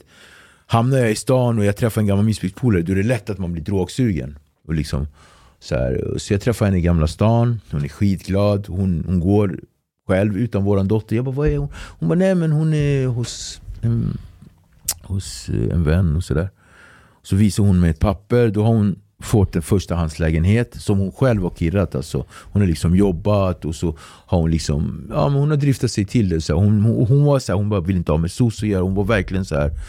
Eh, hon har fortfarande sitt är där liksom. Och då kommer ihåg att de sa det till henne. De bara, din, ditt hjärta kan orka, eller den här klaffarna, den kan orka tre dagar. Men den kan också orka i 40 år typ till. Så nu har det gått fyra år, hon mådde skitbra. Så gick hon med mig där och jag kommer ihåg att jag håller på med min telefon. Sen vänder jag mig om. Då ser jag att hon ligger på rygg och skakar så här. Och det kommer fradga i munnen och hon liksom så här håller på och skakar. Och jag bara ey, vad händer? Och jag bara så här. Och det är mitt i Gamla stan, det är den 4 juli till 2014. Den 4 juli 2014 var värsta sommardagen. Det var så jävla varmt. Och jag kommer ihåg också att det var så varmt så att jag hade ju tagit av mig så här, missbruksbeteende och satt så här, så här, som jag hade en turban. Hon bara ta på dig kläderna idiot. Så jag bara så här, lönnfet också. Så, så jag bara, så skam fick jag. Så, uh. så jag kommer ihåg det var det sista vi bråkade om. Hon bara ta på dig en tröja, du kan ju inte se ut som en jävla... Jag bara, vadå? Eh, tyckte jag var vältränad men det var så här behandlingsfett. så jag var på behandlingshem. Så hon bara... Så, så, så det bara höll jag på med min telefon och så, så så jag bara Kisha vad fan händer? Och så bara låg hon och så bara tog hon tag i min hand och bara så här, och så tittade hon rakt på mig och så sa hon så här, det känns som att mitt hjärta håller på att gå sönder. Shit. Så typ ring någon. Och så bara dog hon. Nej. På plats. Och jag bara... Och du vet, hon håller mig så här. Och, bara, och jag bara får inte loss handen. Alltså jag, får, jag får typ inte loss handen. Och jag bara... Och så folk, ni vet, folk, ni vet folk. Så här. De börjar filma? sant? Ja, folk börjar filma. Och jag bara... Jag bara, så, jag bara men hjälp mig! Så här. Och, Mm. och, så, så här, så här, och så bara är det någon ukrainare och, och en polsk tjej. Jag vet det för att jag pratade med dem sen. Och han bara, jag är doktor sa han. Så här, och, och, nej, jag är läkare sa jag. Och hon bara, jag är sjuksköterska. Och det är så fantastiskt. Alltså, det är så sjukt för att under hela mitt liv, jag har tagit många överdoser. Jag har vaknat upp i en lägenhet där en polare var helt död. Jag har suttit i en bil med en tjej som har varit helt blå. Eh, jag har varit i ett hisschakt där en kille tog en överdos. Så att jag har sett ganska mycket döda människor. Och varje gång när det har varit sådana här situationer så har det alltid dykt upp en sjuksköterska eller en läkare. Så det finns väldigt många. Och det är tacksamt. Så att när de säger det så är det som att jag säger, jag bara såklart ni är. Jag får inte låsa hennes hand. Och det är inte som att det är likstilhet, för den kommer inte in så snabbt. Det är ju inte så. Men det var bara att jag bara så här. Men jag tror att det här att jag inte får loss hennes hand, det är för att jag så här, vill inte få Alltså förstår ni? Så här, och så hon bara, hon bara kommer så här. Hon bara. Så det visade sig att det var inte hon som höll i mig, utan det var jag som höll i henne. Hon bara så här, släpp den. Hon bara, det är lugnt. Och, och så ställer jag mig och, och de börjar. Och allting går jättesnabbt. De börjar hjär- hjärt och lungräddning. Så Mm. kommer ambulans och han... Vad heter hon? Och så liksom säger de hennes namn och de bara kör.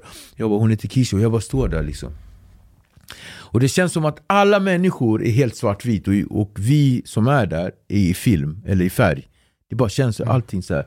Så kommer ambulansen och jag minns bara att jag sitter i ambulansen och så sa han bara Vad heter du? Och så liksom håller de på med henne och vi kör, de åker in till Sankt Görans sjukhus. Upp och bara kommer en massa människor upp med henne på en brits, bara sliter av hennes eh, blus. Och du vet, och hon bara ligger där och, och så är det så här tio stycken olika, alltså det är verkligen så mycket. Och alla har olika färger på sina, vad heter det? En ljusblå, en röd, ja men ni vet, alla och de bara jobbar som fan. Och så bara är det en kvinna som tar tag i mig så här. Hon bara hej Viktor, eh, och hon är en thailändska. Hon bara känner du igen mig? Jag bara så här, typ, hon bara Sist vi träffades var för ett halvår sedan ungefär och då hade du tagit fyra fem överdoser här. Och så hon kommer ihåg mig. Mm. Och jag har ju också varit på avgiftning ganska mycket så att man lär känna. Men jag vet inte, ni som jobbar som polis, men det finns ju människor som man, man känner igen ständigt. Så här. Vissa karaktärer. Och jag var väl inte den som var låg, så här, jag utmärkte mig på något sätt.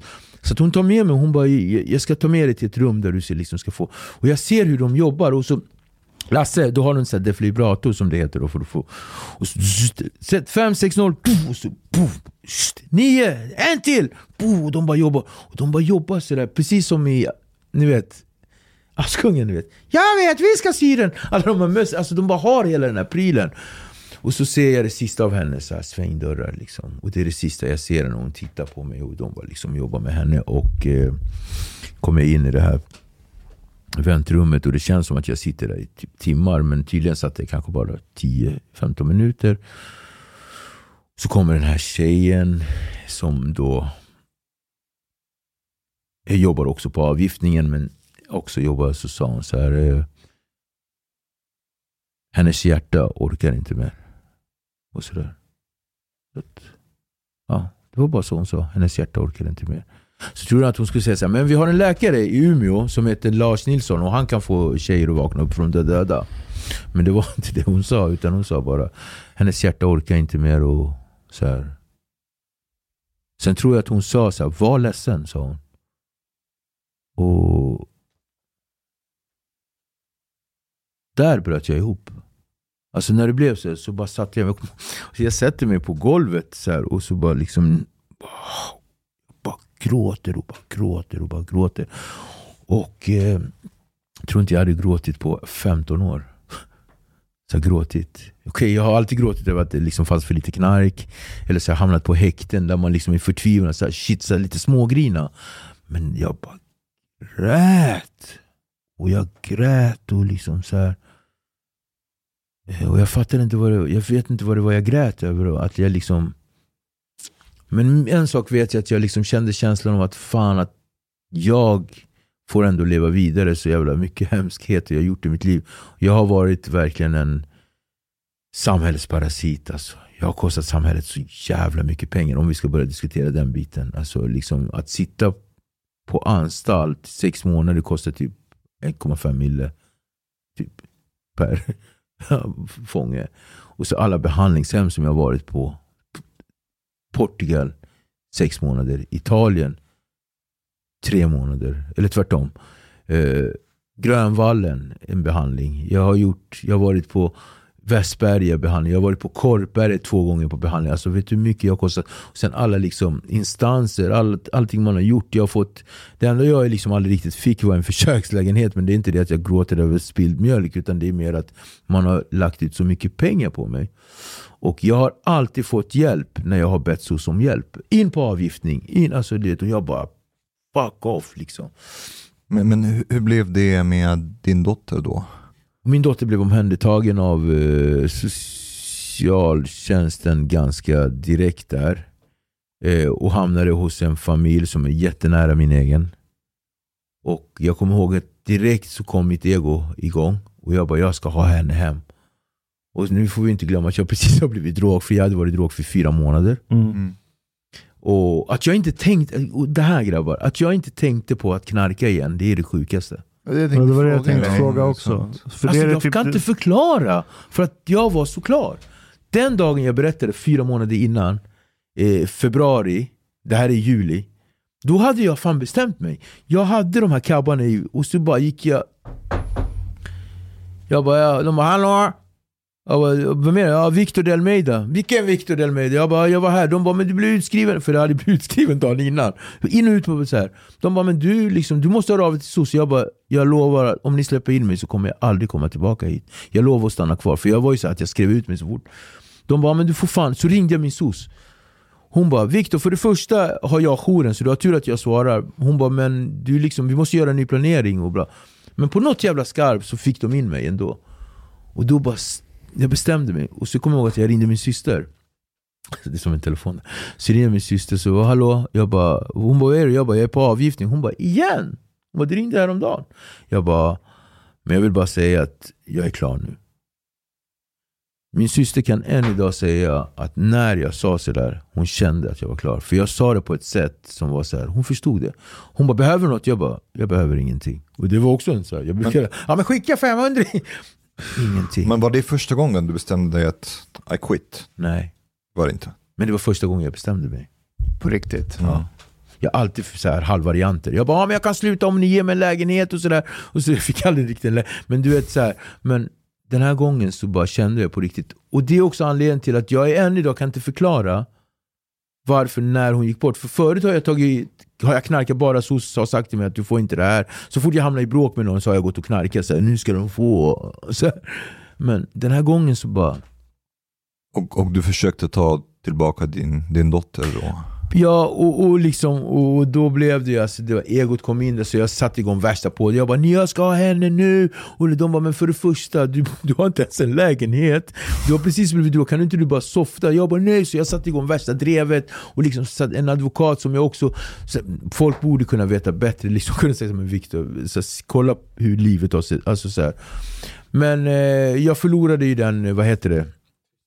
Ja, ja, med rätt och sådär. Men jag kommer ihåg att när vi satt där i rättssalen då så kommer jag ihåg att, jag, att de sa till mig, den här familjen, för nu är vi jättenära den här familjen, så sa hon till mig, hon bara alltså Det var så jävla stort ändå av dig att kunna separera på ditt eget. För att någonstans under hela den tvisten, den tog ju flera månader innan vi hamnade. Men så, men min dotter lider ju av PTSD, grov PTSD, på grund av förlusten av sin mamma. Eh, och eh, den här familjen är jättetacksam, så hon flyttade med dem. Och vi började träffas bra. Tanken var att liksom under årens gång att jag skulle få hem henne och sådär. Hon eh, blev kvar där. Eh, jag tog det beslutet, hon ville inte sen. Och liksom, hon bor uppe i Norrland, hon har det jättebra. Hon är här hela tiden. Eh, hos min mamma, med min syster, hos mig. Så att vi har en jättefin, hon är liksom en 13-årig flicka idag som har jättesvårt att vara bland mer än 10 personer i ett Mm. rum. Hon klarar inte av Mm. men hon har det jättebra, hon är jättesund. Hon gör jättemycket. Rider hästar, åker skidor. Och så här, jätte, Ja, vad vackert. Ja, det är jättefint. hon mår jätte, jättebra. Och, jag, och Akaya är ju liksom... Det är så fint för hon sa hon så här till mig att... Eh, hon sa någonting till mig så här. Hon bara du... Hon bara du är min bästa kompis. Och jag känner att när jag är med dig så är jag mig själv. Men det är fortfarande jättejobbigt att vara med dig. Alltså förstår du? Och hon kan verkligen säga det utan att jag känner att uff, det där gör ont. För Hon är för- ärlig. hon är jätteärlig. Men för förut sa hon alltid så här till mig. Hon bara, jag vill vara med dig och vänta. Eh, Jag vill, nej, så här sa hon alltid förut. Jag vill vara med dig så att jag kan var, Nej, hon sa det på ett sätt så att jag förstod. Det hon menade var att hon vill vara med mig för att jag var den närmaste förankring till hennes mamma. Och är hon med mig så sa hon så här, så väntar vi tills mamma kommer ner från himlen. Och det där sa hon ju länge. Tills hon liksom en dag sa så här, hon bara, jag vet att hon är död. Och det är ju min egen mamma som är så här, mamma, mamma bara, men hon kommer inte komma tillbaka. Min mamma har varit jättegrym i hela den här processen. Hon är liksom hennes mormor, hon är hennes mamma och liksom, hon har ju hjälpt mig också för jag har jättesvårt med den här anknytningen. Jag blir ju väldigt känslosam, jag har ju mycket skam och skuld. Än idag, som efter åtta år, så kan jag fortfarande bli så här, när jag träffar min styvfarsa då blir jag som ett barn ibland. För att min styvfarsa utsatte mig för mycket våld och, och mycket så här hemskheter. Och där, det är ju... Förstår ni vad jag menar? Mm. Mm. Så för, förlåt att min fråga kanske är plump, jag blir bara jävligt blödig. Just, jag har själv en dotter, Ja. så det är bara att bli av med fara. dottern, det bara fuckar upp min hjärna. Men så här, när, när du har tagit tag i ditt liv, blir drogfri, kommer ut, eh, din dotters mamma har liksom eh, styrt upp saker, fixat boende och så dör hon. Mm. Vad fan fick du att vilja leva efter det? Ingenting alls. Utan eh, den där perioden när det här, det här kom så kände jag så här att Innan, du vet jag berättade om det här egot att jag ville ta tillbaka min dotter men det är också, det går liksom sex veckor sedan där jag gång på gång känner att det här pallar inte jag. Och jag var i en sån sorg. Och det var inte att jag tänkte på droger, inget sånt där. Det, var, det, fanns ingen, det fanns inte en sånt. Men jag bara kände så här. Jag är inte värd att leva. Hur fan kan en sån smutsig människa som jag få överleva när vi har en person som har fått en andra chans, ett nytt hjärta, bara levt och bara städat upp och gjort värsta grejen, plötsligt bara dö. Och så här kommer jag liksom, och så får jag gång på gång nya chanser. Och jag kommer ihåg att jag fick liksom så här så ringde till mig och bara nu Viktor ska vi liksom kolla på en försökslägenhet till dig och sådär. Jag bara kände så jag bara fuck I'm ain't worth this shit. Men så gjorde jag en sorgbearbetning på henne. Och, och det är liksom en del av behandlingen. Man gör en sorgbearbetning av förluster och sådär. Och någonstans så kunde jag inte det här att jag vill leva vidare för min dotter skulle säga, för det skulle aldrig funka. Utan jag, jag försonades med mig själv och liksom fick skriva ett brev till henne. och, och liksom Men det tog tid innan jag kunde liksom känna att jag ändå är värd i det här. Det tog. Den här sorgen var otroligt långdragen och den bytte karaktär väldigt, väldigt mycket. Och i samma veva hade jag den här twisten också kring min dotter och sådär. Men när jag tittar på min dotter idag så kan jag bli så här, jag bara, wow alltså. Jag, Men, men du har två döttrar? jag har ju två. Melissa min äldsta har ju varit, och, och det också vill jag säga, min äldsta dotter var ju liksom, hon har ju varit värsta stöttepelaren i hela så här. Sen jag slutade knarka, hon har ju varit liksom så här. Och det är så tacksamt för att som missbrukare så tror man att ingen liksom vill ha en och liksom så här. Eh, och jag är så tacksam att människor ändå har liksom, jag vet inte. Men, men hur var eh, er relation under eh, hennes barndom? eh, Melissas. Melissas mamma valde ju att, hon föddes ju 1999 när jag satt på en anstalt. Eh, jag skulle mucka den 6 eh, september, nej 5 september eh, och hon skulle, hon skulle födas den dagen, samma dag jag skulle mucka. Men som den knarkaren jag är så skapade jag en situation där jag fick en dags påbackning. Så att min dotter föddes dagen innan jag muckade. Så att när hon föddes åkte jag direkt till Danderyds sjukhus och så, dök hon, och så var hon där. Och så försökte jag vara pappa de där fem åren. Samtidigt som jag var missbrukare. Och jag försatte ju mycket Eh, alltså jag försatte henne i mycket fara, min familj. Liksom. Jag kommer ihåg att jag, när hon fyllde tre, två eller tre så satt jag i en bil, och, en sån bil utan körkort och så hade jag henne här och hon skulle liksom, vi skulle gå och köpa en tårta och hela Edsberg, alltså alla hennes vänner, de väntade mig så här, på kalaset. Jag var liksom helt påverkad. Bara sådana där små grejer. Jag kunde liksom ta med mig min dotter som någon täckmantel för, eh, för att jag snodde i affärer och så liksom en gång där Cityhallen eller Kungshallen så liksom var jag i en hiss och liksom satt och tog en spruta medan min dotter var i barnvagn. Alltså det är sådana här jag var utsatt. Jag En, gjort en sak jag märker med människor som har varit i ett missbruk och orsakat mycket problem för Mm. sina nära och kära, så det är att eh, de är väldigt öppna när de, alltså när de har gått igenom allting Mm. och gjort den här sorgbearbetningen och i, vet, det är avslutat kapitel om man ska säga så. Mm. Det är att de är väldigt öppna med det, de förskönar inte någonting från den Mm. perioden och det märker jag att du verkligen inte gör. Du är väldigt brutalt ärlig och Mm. Öppen, även om det kan låta helt galet det du säger nu med din Det dotter. Eh, är det någon, för du jobbar ju med det här också, eller hur? Mm. Alltså med liknande frågor. Mm. Men hur är det med patienter du träffar? Eh, märker, du, märker du snabbt att okej, han, är inte, han, han eller hon har inte riktigt nått botten än, det här är bullshitter. Mm. Det, det ju inte av det att säga så, för att det är exakt så som jag uppfattar mina... Liksom, eh, det kanske är den största styrkan jag har eh, som terapeut. och så där, att jag, jag känner direkt liksom var han är. Utan att liksom lägga, för människor kan ju förändras under en processens gång. Men jag, man känner direkt, ja men du är där du är, vi får se var du är om en månad, två. Men eh, de flesta killarna av oss, där jag känner att de eh, är på rätt köl, det är just den prylen. Att de liksom någonstans not bragging, men ändå är väldigt så här eh,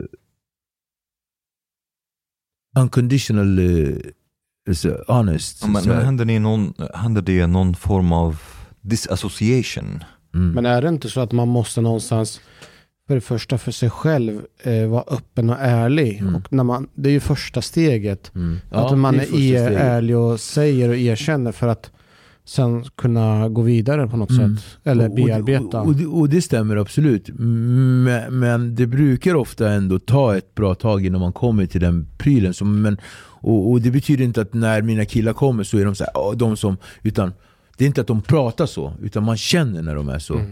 Och det är liksom, man skulle kunna fråga en fråga så får du ett svar. Och, och många missbrukare gör ju tvärtom. De använder sin ärlighet för att liksom någonstans skryta om sina bravader. De lever fortfarande i den här villfarelsen om att det här är, liksom, det här är min grej och, och lite sådär.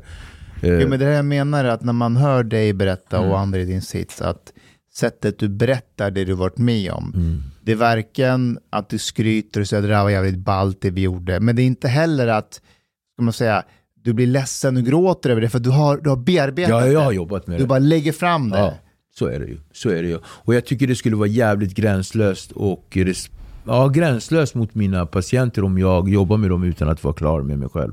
Det skulle inte vara, det är inte, då hamnar man i det här eh, King Baby syndrome. När man säger egotrippen, liksom Mhm. grandiositet där man ska liksom högmod och det är knasigt. Utan. Så att jag, jag, jag jobbar ju med min grej och jag får ju ta det med min gud så som jag uppfattar min gud om hur det än ligger till där. Hur kom du in på det här valet att bli terapeut? Alltså det var någon, jag blev ju inkastad i det löpet för att jag jag har ju alltid haft en dröm om att, du vet när jag var liten så ville jag bli skådespelare och musiker. Jag, Du har ju en talang för att kunna berätta berättelser. jag har inget taktsinne och jag kan verkligen inte sjunga. Så att, jag vet inte fan vad det var. Det var en gympalärare när jag gick i trean som sa det. Fan Di Almeida, du kan alltså sjunga. Det var det värsta jag varit med om. För vi hade en sån här skolradio. Och där, där, där varje onsdag fick vi liksom mikrofon som, liksom, ni vet, som man har i skolan. Och då var det så här, då hade vi Julius, då, en kille, och han var ju liksom ordförande i elevrådsvåffla, helt städad. Så hade han en så här blommig, vad heter det? Eh, Scarf. Fluga. Aha. Och sen så hade han, på tal om scarf, så hade en tjej som heter Karin Falk, hon hade ju en sån här scarf, och det är ju rikemansbarn. Och de höll ju i liksom skolradion. Varje onsdag så liksom ding, och så ska vi prata om nya händelser i veckan. Den här veckan så kommer liksom Skuru skola spela handboll mot eh, Älta gymnasium. Och då ska ni få se att du vill vi att hela skolan ska ställa upp för dem. Och vi har hejaklacksledarna. Och sen då så kastade han den här, eh, vad heter det, musikläraren, han kastade in Victor Delmeida då, som var väldigt så här. jag gillade Elvis när jag var liten. så, det, så det jag gjorde det var att jag gillade ju Elvis. Jag kunde på alla, lite så kan han sjunga lite. Jag, lite ja, men lyssna, jag kunde alla Elvis-låtar när jag var liten. Så att då sa han så här, Victor du kan sjunga. Och han lurade i mig att jag kunde sjunga. Så sa han så här, du ska ta mig fan. Säkert för att jag är svart också. Fett rasse, jag Han tänkte bara, också. han bara, du ska ta mig fan vara med i våran skolradio varje onsdag. Så att då började det så här första, första veckan och det, det är ju en skräll. Det pratar om än idag, mina klasskompisar och säger Kapten Almeida, kommer du ihåg när du var med i skolradion och sjöng den där Elvis-musiken? Jävla fitta. Han bara, så liksom kunde man komma så här liksom i Nacka Forum så här. Där är han ju, Elvis! Pip! Men ni fattar men det var ju så på den tiden. Och så bara sjöng jag så här, Lemonade, such a refreshing drink. och så nästa vecka, då fick jag göra en ny Elvis-låt. You ain't nothing but a hound dog! Och så bara höll på sådär. Och så... En gång så gick det för långt, då fick jag sjunga en duett med mig själv. Med dig själv. Då var det slut på Elvis-låtar. Så då sjöng jag, då sjöng jag eh, två duetter, då var det så här.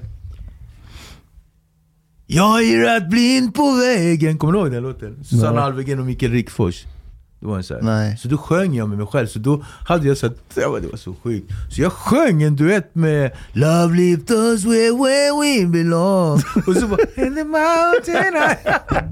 Var det efter det här du började med drogerna? Det var exakt, nej men det var exakt det. Men, så då, så, så, så på den var, och, och så liksom, så jag hade ju någonstans kanske en eventuell dröm om att hålla på med musik, eller liksom vara skådis, och inget av dem är jag faktiskt bra på. Eh, och jag ville också bli författare, men jag vet att jag sa det till min farsa, så sa han så här. kollade han på mig så sa han så här. Är du någon böckling eller? Böckling? Ja, det är ett annat ord för fikus. Och så, han bara, är du någon böckling eller? Jag bara, nej. Han bara, det är bara böcklingar som blir skådis sånt där larv. Han bara, du ska bli advokat eller någonting sånt där. Och, så. och då kommer jag ihåg att jag kände så jävla mycket skam. För att jag tyckte ärligt talat att jag hade talang för något av det här. Något kan jag väl ha av de tre. Författare, musiker eller skådis. Han bara, inget av dem, du har inte det. Han bara, du är inte skarp. Du ser inte bra ut för att vara skådis och du kan fan inte sjunga. Så han tryckte ner mig så jävla mycket så att hela min dröm som jag hade som barn, det gömde jag långt, långt inombords. Mm. Och sa det aldrig mer till någon. Och jag kommer ihåg när de frågade så här, vad vill ni bli när ni blir stor? Så var det alltid någon som ville bli polis såklart. Någon jävel sa, ja men jag ska bli polis. så var det någon som ville bli brandvåffla. Sen var det någon som skulle bli lärare. Det fanns alltid någon som så skulle vara lustig och säga, men jag ska bli kriminell. Men jag sa aldrig någonting. Jag sa, jag vet inte. Och jag visste. Så långt inombords gömde jag min dröm. Och sen glömde jag bort den. Men idag gör du ju typ det. Alltså du står framför kameran, du har en Ja. mick framför dig och förutom din egen berättelse så får du ju andra att författa sina egna livsstories. Mm. Jag tänker på dialogiskt. Ja, jag kopplar. Var, var, var, varför, var, varför gör du dialogiskt? Det var också precis som det här med terapeut. Jag började jobba på ett behandlingshem och eh, som boendestödjare och liksom så här. Och sen den terapeuten som fanns då, han var relativt bra. Så där. Men jag hade jättebra för att liksom förmedla historier och lyssna. Och jag lyssnar också. För jag har alltid trott att jag var en dålig lyssnare. För tjejer som jag var tillsammans med, hon bara du är så dålig på att lyssna Viktor. Men alla, alla tjejer säger så. Alltså. Alla, jag bara, men jag lyssnar ju! Hon bara, nej du hör bara, du lyssnar inte. Jag bara, okej. Okay. så här. Och, och, men sen kom jag på, fan jag lyssnar, plockar upp och så förmedlar jag saker. Så att jag började hålla i de här samtalen och sådär. Och sen så sa de så här, de, bara, du måste läsa till socialpedagog eller terapeut eller någonting för att du gör det jävligt bra. Så att då började. Så att nu har jag varit behandlingschef där i typ 3-4 år. Vart är det någonstans? Eh, Det ligger ute i Bålsta, eller Bro. Bro. Där jobbar jag som, eh, på ett behandlingshem som har funnits i 27 år. Och vi har, eh, Chang är ungefär, säkert där varje dag. vi har typ 23 killar där och, eh, och sådär. Eh, dialogiskt däremot, det var att jag gjorde en podd. Eh, vi försökte göra en lika bra podd som eran. Den heter Ny med oss, där vi, egentligen var vi tre polare som snackade skit. Det var iranier och balucher.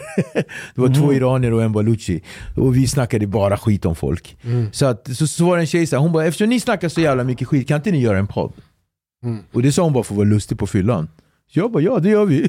Så då gjorde vi en podd som heter Ni med oss, den gick relativt bra. Med hiphop-podd och sådär. Men så började vi märka att vi satt ju, de drack ju mina polare, jag drack inte. Så de satt och bara äh, snackade och så, Labyrint kom, Danny M, Linda Pira, alla möjliga var så gäster. Så satt de oss. Men under varje sektion så hade jag en förmåga att liksom så här, centrera vissa personliga frågor. Så att då blev det som att det blev två poddar i... Alltså det blev, varje Ja, avsnitt fattar. var som två grejer. Men att du, du intervjuar många eh, ex-kriminella, eller hur? Ja, dialogiskt har ju hamnat i en sån där skruvstäd. Eh, så att, eh, det som jag gjorde sen när jag skapade dialogiskt, det var ju meningen att dialog skulle vara en one-to-one samtal mellan två personer. Så skulle jag sitta med en schackklocka. Så skulle två personer få 30 sekunder så skulle du få svara på en fråga. 30 sekunder, det var meningen. Men det blev så jävla så här Det var bra att du Ja. inte gjorde det. Tack så jävla mycket. För det skulle, det, det, Det jag, där är utdöende medium. Folk gillar inte det. Nej, och jag vet inte hur jag tänkte. Och det blev inte ens ett sånt avsnitt. Utan första avsnittet, då satt jag där. Så skulle jag göra så, så tittade Så jag bara, fuck det här. Jag bara, så bara började vi snacka. Och det blev värsta. Och nu har jag hållit på i ett, nästan två år. Växte relativt bra. Många vet om oss. Jag var på någon Expressen-grej där massa journalister, han bara "Är det är som den här dialogiskt. så, så, men jag gick ju med den här, vad heter hon, Kajsa Ekis Ekman också. Så att alla var ju på henne, de bara hoppade och jidrade med henne. Alla, hon är ju bara ovänner. så här, men shit alltså, så jag bara uff. Jag måste Men- bara tillägga, i förorten, Ja. eh, det finns ju det finns ju inte en enda person som jag träffar som inte har hört talas om det eller inte lyssnar på dialogiskt. Alla tittar. Mm. Jag var ju med på den här debattgrejen. Ja. Eh, alltså, flera månader så "Ö, det är du som har varit med på dialogiskt. Vad fan, vi har massor med andra grejer. Men det är dialogiskt som alla har en kommer ihåg. bok. Och det var sista måltiden då!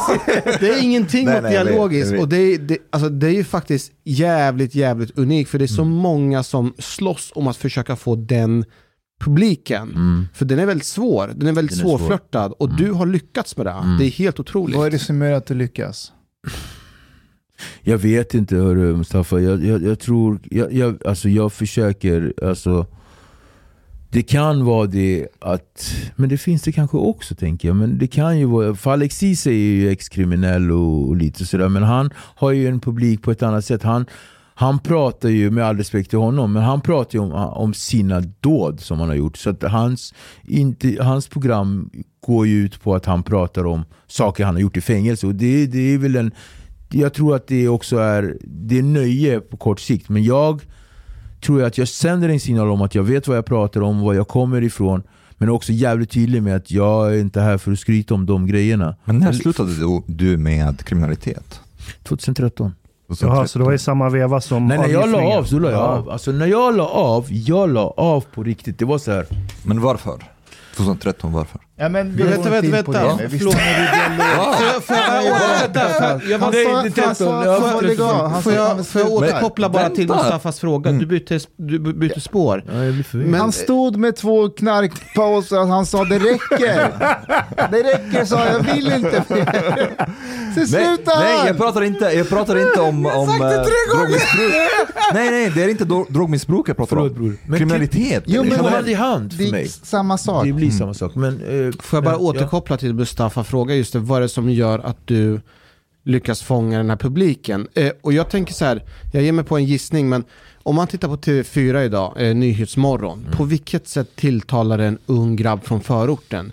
Det är ingenting som återspeglar deras verklighet. Men de personer som du intervjuar, de identifierar sig med det på något sätt. Och den, den livsstilen och den idén och de tankarna, kan det vara en av Mm. orsaken, alltså att, att du har en sån stor eh, lyssnarskala därifrån? Det kan det absolut vara. Det kan det absolut vara. Och jag tror att, jag tror att det finns en äkthet i dialogis Just som, som inte liksom, som, de är så här, de bara okej, det här är på riktigt. Och jag tror att eh, de, alltså, man behöver någon, alltså för många säger så här, men du, du låter oss få tala ut och sådär.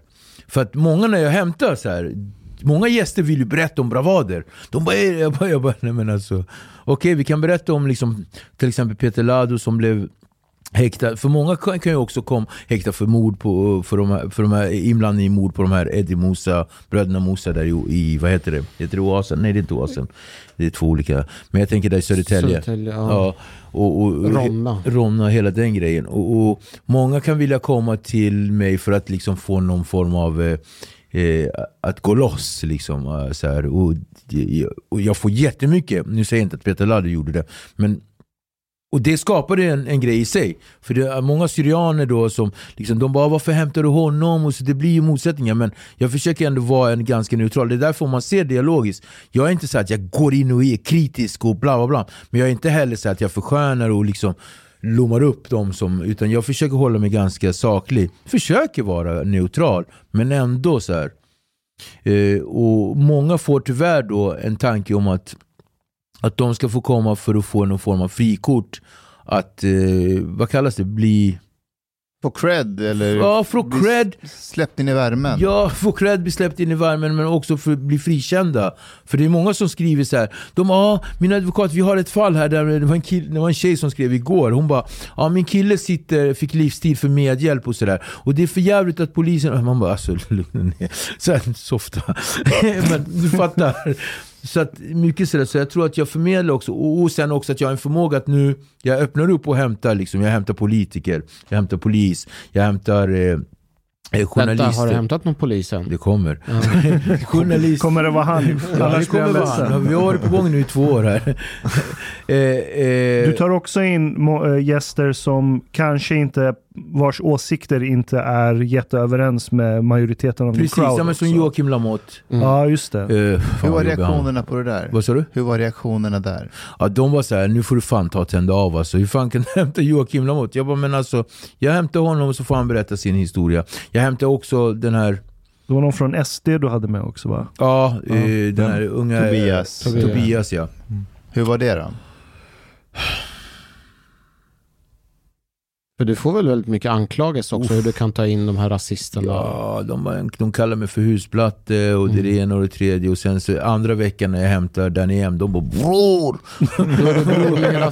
Hamnar du inte i en så här konstig sits för att, jag menar, jag kan föreställa mig att det är inte mycket du kanske, ska man säga, överens med Tobias. Alltså kanske vissa idéer om Mm. kriminalpolitik och så absolut, men ideologiskt och värderingsmässigt. Mm, precis, och det där, det där är intressant att du Ja, säger och det. att ni inte är överens där och, och så har du den andra sidan som bara bashar på Mm. dig. Så att du, du hamnar i en konstig sits att "Hör, jag är inte överens med honom men jag vill att han ska ändå vara med här och höra så att ni får veta vem han är. Mm. Och det är exakt det som är min, eh, vad heter det, som, som, blir, mm, som är mitt argument. Alltså jag vill, jag vill kunna, hur fan ska vi lära känna våra fiender om vi inte kan sätta oss och förstå dem? Om de nu är våra fiender. Jag ska bara säga han gjorde en citationstecken. Ja. Han menar inte att de är våra fiender. Nej men precis, nej, men alltså för ibland när jag gör situationstecken så menar jag rent ut sagt så här. Vad är en fiende? Det är lite så. För att, när du, för, för att många, just de två vi pratar om, Tobias och eh, vad heter han, Lamotte. När jag har, de bara ey jag har fått en helt annan bild av den här snubben. Och då är det inte så här eh, Thomas Andersson som bor i Täby som har sagt det. Utan då är det så här Abdallah eller Osman som bara Bror, den här Lamotte alltså, han säger ändå grejer. Jag svär, jag har fått en helt annan bild av Shunulän. Jag svär bror, alltså knullan som ljuger om han inte är horunge ändå. Men jag svär bror, det är, så, du vet, det är såna där grejer. Och de, du vet, de sk- Youtube-människor, jag kallar dem för Youtube-junkies.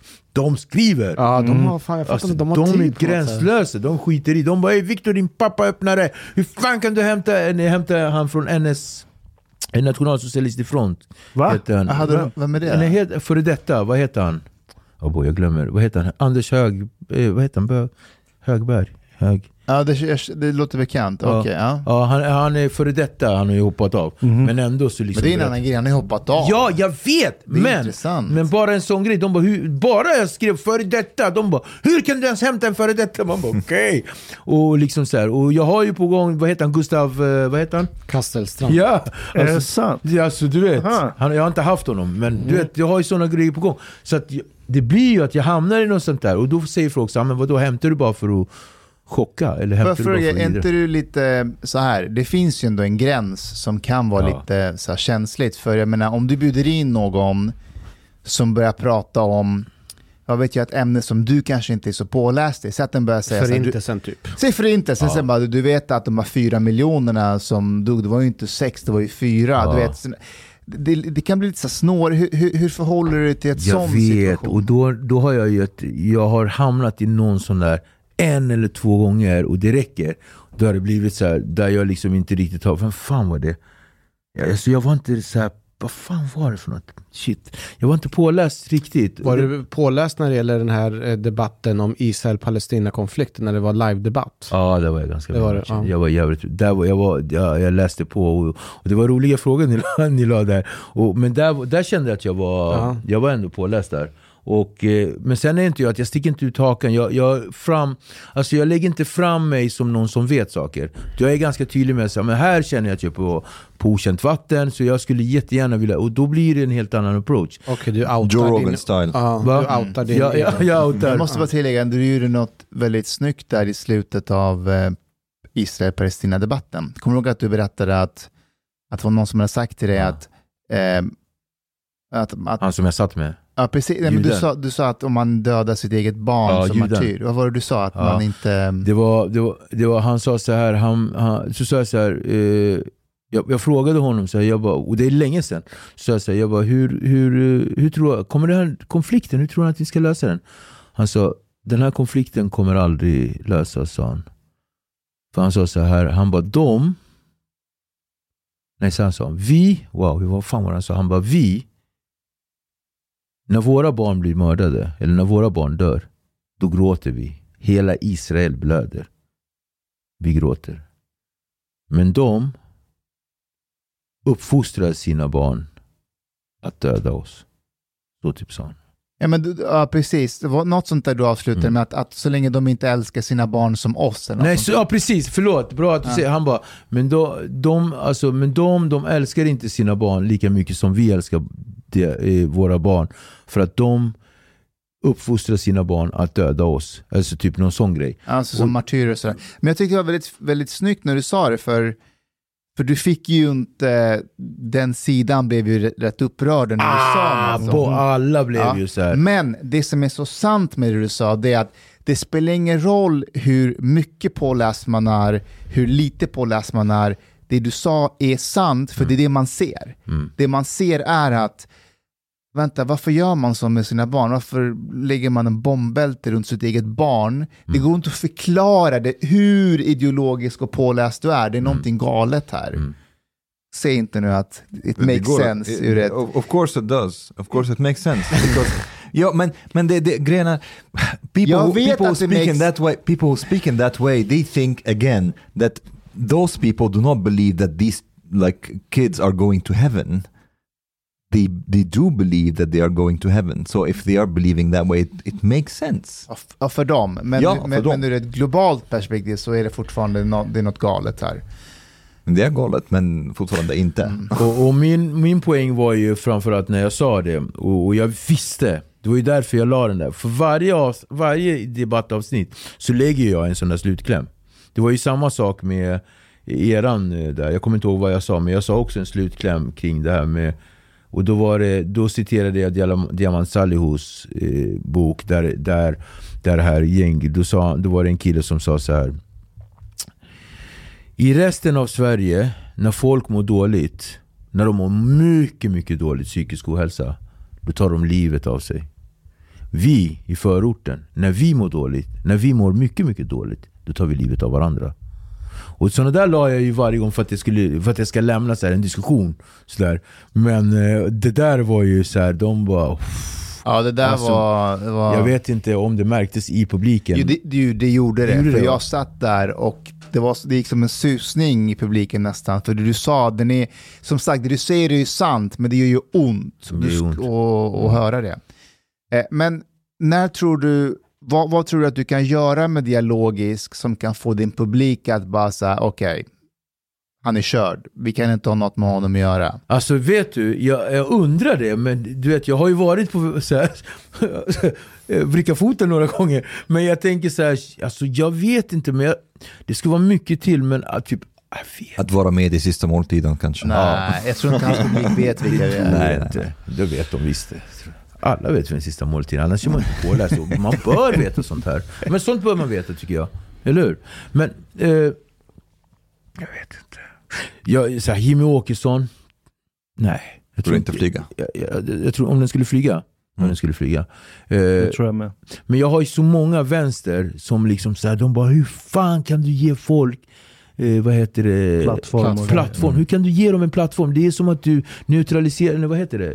Eh, Normalisera. normaliserar. Mm. eh, Jag bara okej, men vad då ska vi bara prata om eh, Chip Gaza eller vad ska vi bara prata ska, men, men, men jag vet inte. Men vad ska vi göra? Vad ska vi göra? Rod Flöjder eller vad heter han? Floyd Lloyder eller vad heter han? Hord Flöjder? Ja, ja, han... han, Ah, han, det. Ska vi prata om det bara, eller vad händer? Du, du, det tar ju slut till slut. Men det är någonting så här roligt men också sorgligt över att man kan säga så. Hur kan du ge ja, men så här, Åkesson plats, för han har inte varit där hos dig, men det Nej. är ändå en så här, folkvald eh, b- Ja, på ett det är helt demokratiskt sätt. Men i samma mening kan de sen säga så här, mer intervjuer med de där kriminella som har Nej, mördat det var ju det varandra. mitt argument var. Det är där jag fick tyst på hela det. Alltså, du vet, de gjorde värsta pådraget. Så sa jag så här, okej, jag tror jag säger det i ett avsnitt också.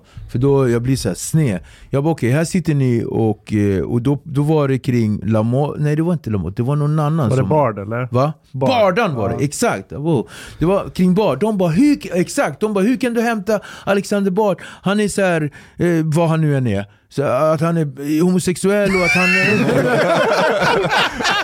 jag var tvungen att lägga... I like it's the first one also. Han är, homo, han är homosexuell. Inte rasist, det är homosexuell. Nej det där är... Hata svarta, nej, nej, För att, nej men vi får inte glömma att det finns en kraftfull homofobi, Ja, ja. speciellt bland Ja, mina ja. tittare. Jag måste, Ja. jag måste bara berätta en grej, när, vi hade, när det var eh, Pride-paraden så gjorde ju SD-anhängare Pride-paraden i förorten. Och då kommer det de här antirasisterna och det är just homosexuella och sådär. Och när, när antirasisterna kommer med som är gay och sådär, då kommer de här förortskidsen. Vart är de där bögarna? Ja, det är vi som är här, vi ska skydda er mot, ras mot rasisterna där. Vi skiter i rasisterna. Bort med er alla bögar. De skiter De, de skiter i rasisterna, de hatar bögar. Ja, de skiter i... Och de Så bara, du, vi är här för att försvara er! Men så du sa ju, så, men det är så helt otroligt. Hur, hur, alltså, ni sitter, alltså, då, då, du vet, då, en person som är homosexuell som, som uttrycker sig antirasistiskt och som liksom säger kontroversiella saker och det var mot Black Lives Matter och hela den grejen att man får säga en ord, alltså hela den grejen. Okej, honom kan inte man sätta sig och prata med. Men däremot så, så tycker ni att jag ska hämta, vem var det som de tyckte var bästa de visste? Det var någon styck våffla här. Någon styckmördare. Leo då som var det här och sen så var det, alltså du vet, det där, de bara ja bror. Hämta! alltså du vet, Men när så, du säger det, för det är ändå schackmatt. när ja men de det. blir sneda, de bara Ja. du. de bara du går deras ärenden, jag bara okej. Men alltså, när jag säger det då blir det ju men jag tror också det är det, jag tror faktiskt att det är någonstans, när man kommer igenom skärselden efter en sån pryl, så blir det så aj den här Sinchen han står ändå kvar här höger, vänster. Vad tycker du om Sveriges kriminalpolitik då? Sveriges kriminalpolitik. Och narkotikapolitik. Narkotikapolitiken, alltså, det är så svårt alltså. Jag, fan alltså. Ashkan vill ju, eh, Ashkan och Omar, de är ju rätt så liberala av sig, eller vad, vad kan man säga att ni är? Mariana free. Liksom- Alla egentligen. Alla inte, för att jag vill att folk ska bli missbrukare, men jag tror att du kan bruka vissa droger utan att det är någon fara för dig. And consequences are Ja. better. Sverige, Sverige has like the highest högst dödlighet, drog, drogrelaterad dödlighet i och, då tänker all ni att, EU. att, och då tänker ni det för att man inte får? Inte Eh, för att, men jag tror inte att kriminaliseringen, det finns inget bevis som visar att det får folk att sluta. Men när vi har bland de hårdaste narkotikalagarna i Europa och eh, droganvändningen har ökat som fan. Och politikerna använder bullshit-siffror och påstår att knarkanvändningen är låg. Medan när du kollar vatten, Ja, eh, så avloppsmätningar, Ja. vi är bland de högsta i Europa på bruk. Så jag, det är inte så att jag vill att folk ska hålla på mer, speciellt inte med droger som heroin och amfetamin. Mm. Men det finns jättemånga som kan bruka till exempel psykedelika Mm. utan att det är någon fara för någon Nej. eller för deras liv. Tvärtom, det kan vara berikande. Men Frågan är bara för att vissa klarar av att bruka om det ska vara fritt för alla andra att ha valet fritt. Ja, men valet är där. Det är skitlätt att få tag på droger Well, i that, Sverige. yeah, that's exactly the thing. the thing. Like there are no studies that showed that criminalizing drugs leads to decrease in, in drug use, really. Because if you want to use the drug, you will get it. Mm. Ja. Stigmatisering, det har ingen påverkan. När man st- stigmatiserar eh, till exempel narkotikaanvändning. Inte om... Ex- exempelvis, konkret. Eh, Låt oss säga nu till exempel att det skulle vara fullt lagligt att röka cannabis.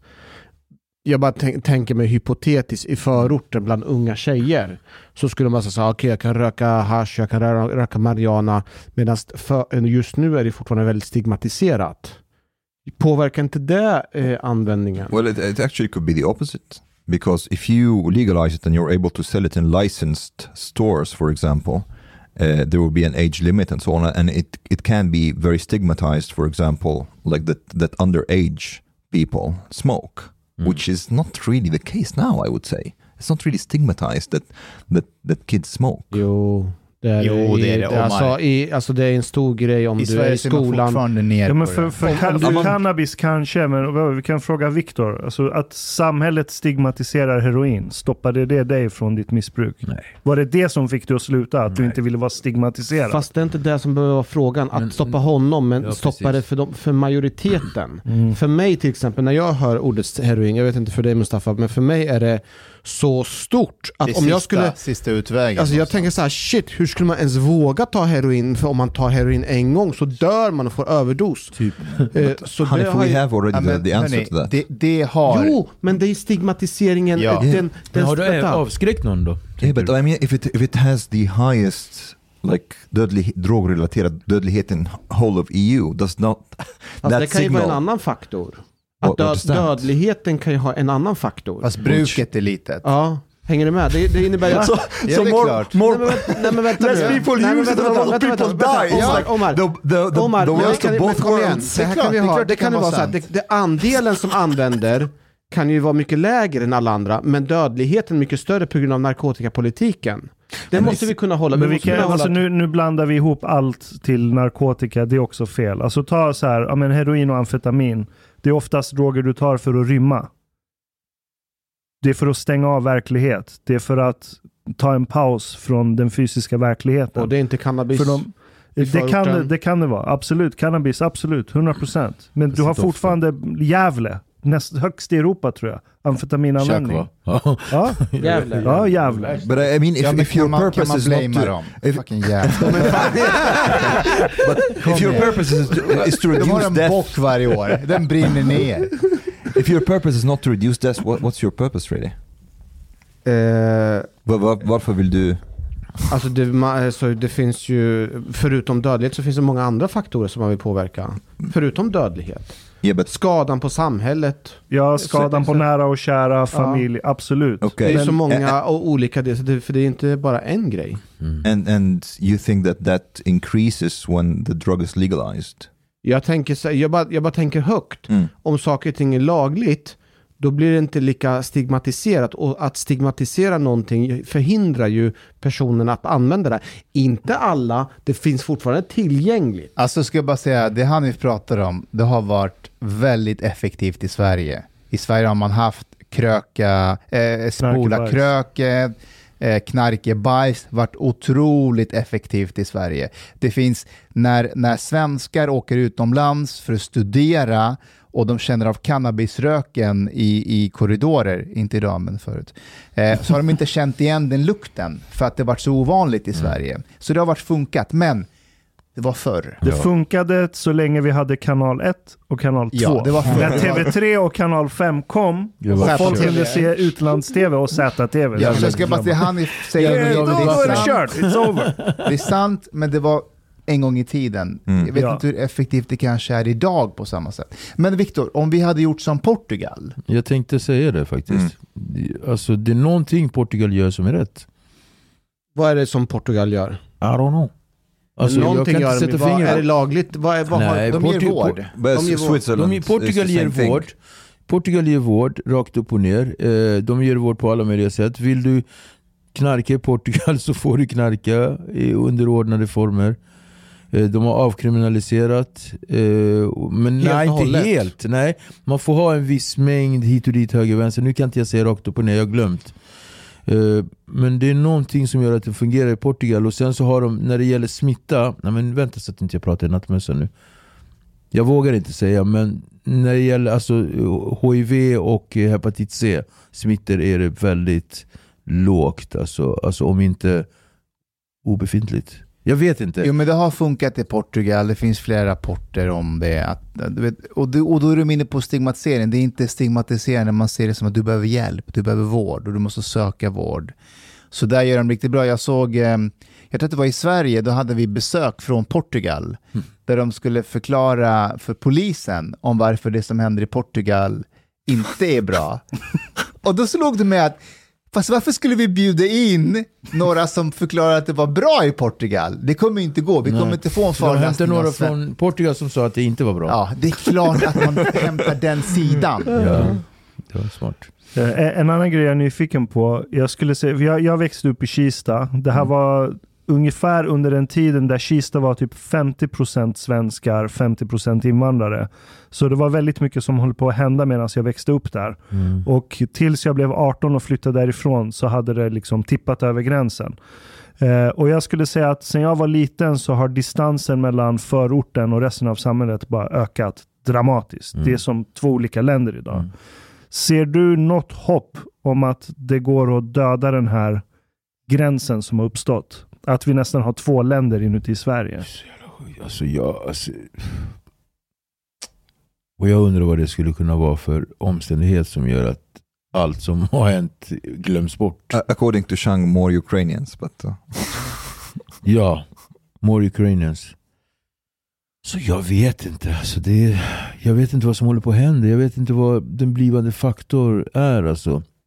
Men jag kan, nej jag vet inte, men jag kan bara dela med mig om en känsla som jag fick så jävla starkt när man går i Rinkeby. Mm, Och det, och det spelar ingen roll om, eftersom nu ser jag hur jag ser ut, ganska färgglad och sådär. Så kom jag gående, eller när jag åkte tåg, och så kom jag upp på, ut från tunnelbanan. Ganska mycket folk alltså, ni vet hur det ser ut uppe i byn och sen så är det liksom eh, grönsaksståndet och det är skitmycket folk i rörelse. Jag svär att när jag kom upp och så gick jag ett steg ut så att alla såg mig, det var som att alla stannade upp. Och sen var det som att, Ah, det är lugnt. Typ. Och det var inte för att jag var mörkhyad att de sa att det var lugnt, det var för att jag tror att de hajade att ah, men han känner någon här hit och dit. Alltså den känslan att vara någonstans, den fientlig, nu är jag inom situation, den form av känslan som förmedlades att någon är, det, det var som någon underliggande fientlighet instant mm. som någonstans försvann när de insåg att det här är ingen fara. Jag vet inte om det är gängmentaliteten som Var det finns bland kvar. unga som, eh, som det Alla känslan? som stod där. När, när alla- de såg dig då blev de rädda.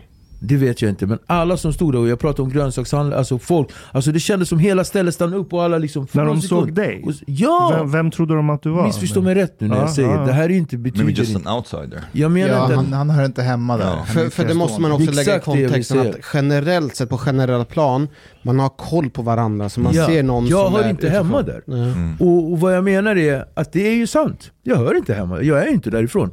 Men att den känslan kan kännas så starkt hos någon som inte hör hemma. Det säger jävligt mycket om den här utanförskapen, den här, eh, vad heter det, ex... Alltså att man gör sig själv utanför. Mm. Det är en så stark känsla, jag, jag, känner, och jag känner den ofta när jag är i byn. Alltså det, är inte, det är inga konstigheter så. Och jag har ändå bott i Rinkeby, jag har ju haft mina glansdagar i Rinkeby när man knarkar som helst. Så att det är inte främmande där, men det är fortfarande en sån stark känsla. Och den kan jag känna i Tensta också när jag liksom kommer upp där. Så det är ju... Mm. Och, så jag vet inte riktigt hur... eh, Men det här låter ju som att många som bor där har taggarna utåt och exkluderar sig själva. Mm. Snarare än att det är majoritetssamhället som aktivt exkluderar dem.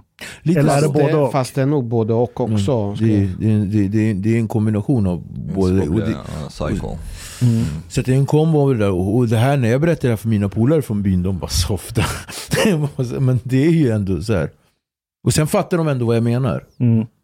För de sa exakt, det var någon som sa det här. "Ja, Men du hör ju inte dit. Mm. Alltså, Sen finns det flera faktorer. Det en sak som skulle kunna ha påverkan i det här, det är ju eh, den dödliga gängkonflikten som vi har nu. den. Eh, den är, gör ju att alla är på Helt Mm. alerten. Så att när man ser någon som man inte känner igen och tänker sig att det skulle kunna vara kriminell, då, då är det nästan som att man bajsar på sig. Mm. Det skulle kunna vara en sån grej också. Eh, jag vet inte. Men just nu har vi en situation som är väldigt, väldigt allvarlig. Mm. Vi har ju flera olika gäng som har splittrats och sen så är det inbördeskrig och de skjuter varandra hej vilt. Och den, den, den går inte att få stopp på, även fast vi har pumpat in massor med poliser. Nej. Så att, eh, och, så att, och, och, och så när det gäller den biten, det där är en svår pryl alltså. Jag vet inte, och det känns inte, nu låter jag som en väldigt eh, bister figur. Men det jag tänker är att det känns inte som att det finns någon återvändo till det Mm. mer. Alltså det känns att det, det kommer bli så här. Det, Ja. det kommer vara en kraftfull segregation lite överallt i Sverige. Vi ska försöka bjuda in han eh, Amir Rostami. Eh, Jag sprang på honom. Han sa Ja, han forskaren. Ja, Ja, han är tung. Och, och han säger till mig bara förbi farten att jag är rädd för det du säger Viktor. Att när man har kommit till det här stadiet och har den här grova kriminaliteten och dödliga våldet. Det är inte så att vi kan bara spola tillbaka och bara låta det här försvinna. Utan det, här är, det här kommer ta lång Nej, men det tid. finns ju ett att, fysiskt minne, det finns ett mentalt minne, det finns ett känslosamt minne. Alltså, nu kanske jag sticker ut hakan, men jag kan säga att mycket av, alltså om vi pratar somalier, alltså det här, alltså kommer du ihåg när jag snackade om eh, den här vågen som kom där? mm, Av den vågen som kom, så är det, de kommer från krig, de kommer från eh, eh, lords, vad heter det? Krigsherrar, alltså det där systemet som de har. Klansystem och Ja, där. så när de kom hit så hade de liksom redan jättemycket psykisk ohälsa. De här killarna som vi ser som idag, är så här, som, de somaliska, nu pratar jag om de somaliska för det är mycket somalier som har är gängmedlemmar som dödar varandra, det sticker Ja, vi inte under stol med. Det är barn som är födda i Sverige, Mm. men de är födda in i psykisk ohälsa. mm. Är ni med? Ja. Så det är från en dysfunktionell familj de kommer. Alltså föräldrarna kommer från, liksom, ha, alltså, förstår ni vad jag menar? Sen säger många så här, ja men det är för att de bor tio stycken i en lägenhet. Alltså, Okej, må så vara hur den är. Men det är framförallt, vi pratar jättelite om det psykiska ohälsan. Den psykiska ohälsan, alltså arvet som man får med sig. För många tänker så att första minnet är ju det du ser och upplever. Nej, första minnet är fan det som du får i din, de första nio månaderna. Det är det här känslomässiga minnet som du har.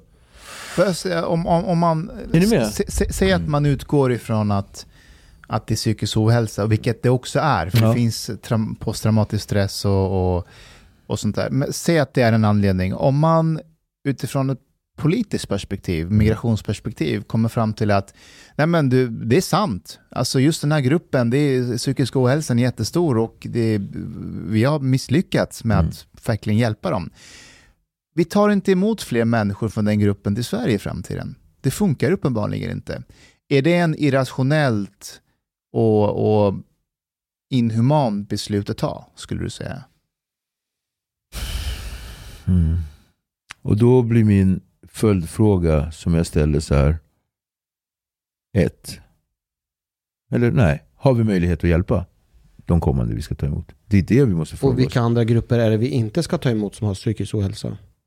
Ja, Ska men det vara flyktingar nej, från Ukraina? Nej, men nu pratade vi kanske inte om någon generell grupp utan vi pratade om psykisk ohälsa överlag. Nej, men jag, jag pratade just om, alltså om det kommer till en punkt där Ja. man säger så här, Ja, just den här gruppen, Jag jag håller- just den här ja, ja. gruppen, för att ja, de från Ukraina, då kan man säga så här, vad finns det för kultur i Ukraina kring psykisk ohälsa? Vad finns det för kultur i Afghanistan och Somalia kring psykisk ohälsa? Jo, men man har ju knappt ett ord för det, man säger att man är galen. Ja, just det. Och så vill man inte söka hjälp och så. Mm.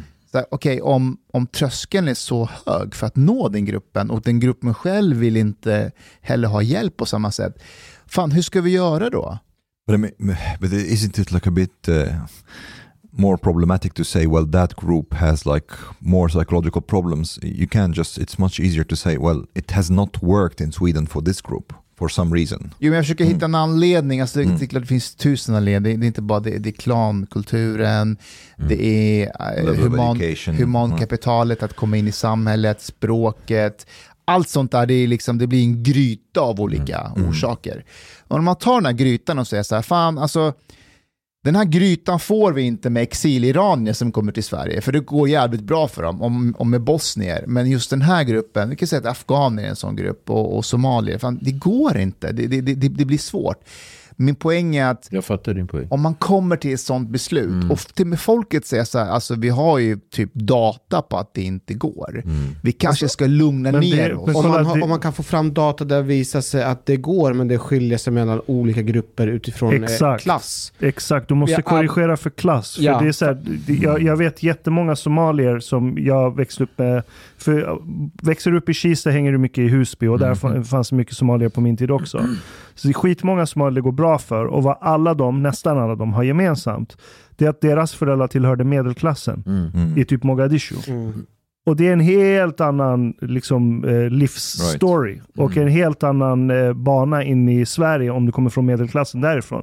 Jag lovar, om vi plockar bybor från Iran Ja. Samma. och hämtar ja, det hit är dem samma en sak också med ytan. Like, Det uh, get- rubbet. Du kommer ha skitmycket Mm. problem. Det är Men samma alltså- sak med afghaner. vad Ja. det är ju de som vi har nu. De, Ja. Men, men om vi säger så här, om vi tittar i London, Kanada, somalierna där. Men de har ju Det valt, och de har ju plockat, de har ju Ja. plockat russin ur kakan. De cherrypickar sina flyktingar Ja. alltså. Kanada shoppar de bästa flyktingarna från medelklassen. Ja. Det- Men då har ni ju Kanadensarna, svaret där. kanadensarna Ja. tar ju inte Det- Då har vi ju svaret där. Så då är frågan, ska Ja. vi förbjuda, ska vi öppna upp gränserna för alla som tillhör medelklass men förbjuda alla lågklass? Det blir en ganska inhuman. Yeah, jag actually, menar, I'm då blir det thinking like flyktingar. Det Du, blir inga flyktingar. Då blir det, och, och, och jag tänker så här, ukrainarna då? Vad, vad händer här då? Det är vi, Nu har vi Team Ukraina. Ja, men Team Ukraina här som inte är här. Han menar Team på Ukraina. äh, Charkvik som Men är inte han där och räddar liv? Han, han, det. eh, nu har, håller han på, i, i, räddningstjänsten är där och hjälper honom på hans skrotupplaga. De har tänt eld på någonting. För att det blev ju en hetsig debatt kring, alltså, alltså nu är det det här med Ukraina, med Putte-grejen här och liksom But, but speaking about class though, like what would be more controversial in Sweden if you say, well, we will exclude everybody that comes from this country, the whole group, or if we will exclude low class people from this, which one would trigger Swedes more? Klass, klass. That's, that's of course. ja, det är fan. Men eh, vad heter han, den här, eh, eh, Ahmed från Global Village. Han, han pratar ju om att, det, för de har ju gjort, de, gör ju inte så mycket studier på just eh, olika personer från olika länder. Men de har ju tittat på det här och han menar ju på att klass är ju en väldigt avgörande faktor. Och framförallt för de som kommer in i arbete och de personer vars barn går bra i skolan och får eh, men gymnasiebehörighet och så vidare. ja, och det är det. Och, och då är min andra fråga.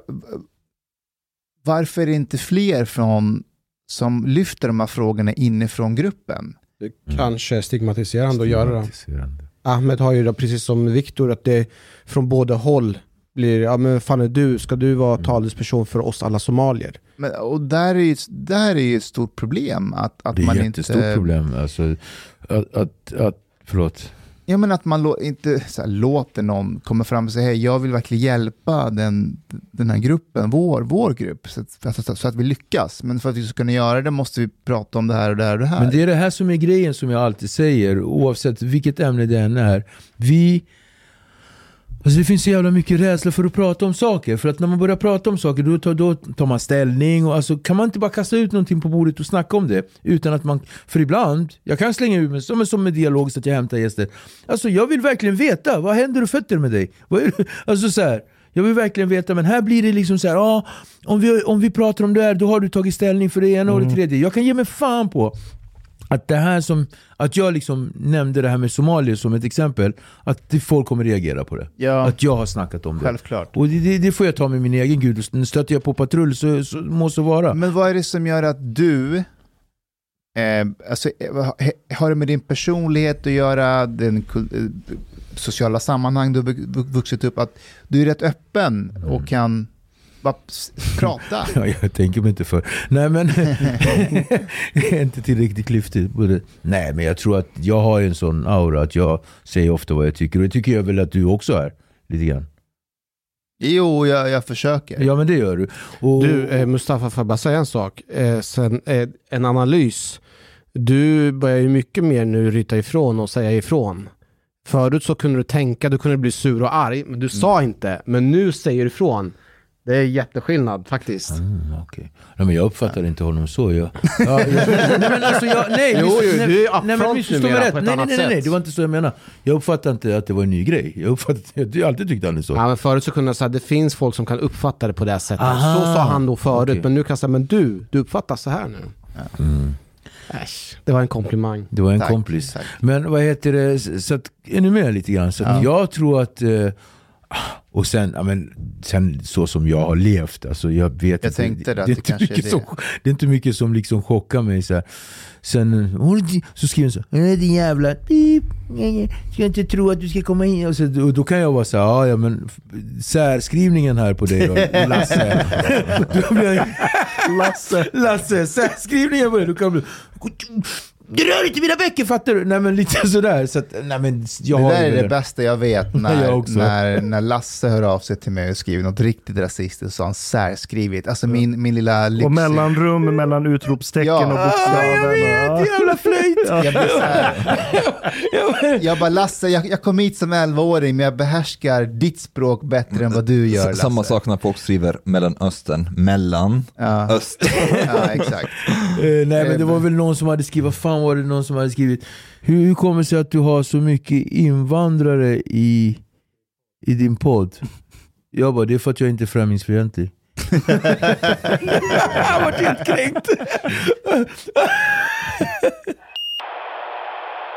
Hej på dig, min vän. Lyssna på mig nu. Du är mycket fin människa. Du har betalat biljett på klubbzista måltid. En mycket fin radioprogram i Sverige. Tack vare dig så är det möjligt för grabbarna att shoppa kaffe latte ute på torget. Betalar kningar.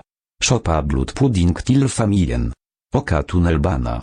Eller dricka en kall Norrlands guld på uteservering. Ibland. Dit bidrag gör grabbarna mycket glada.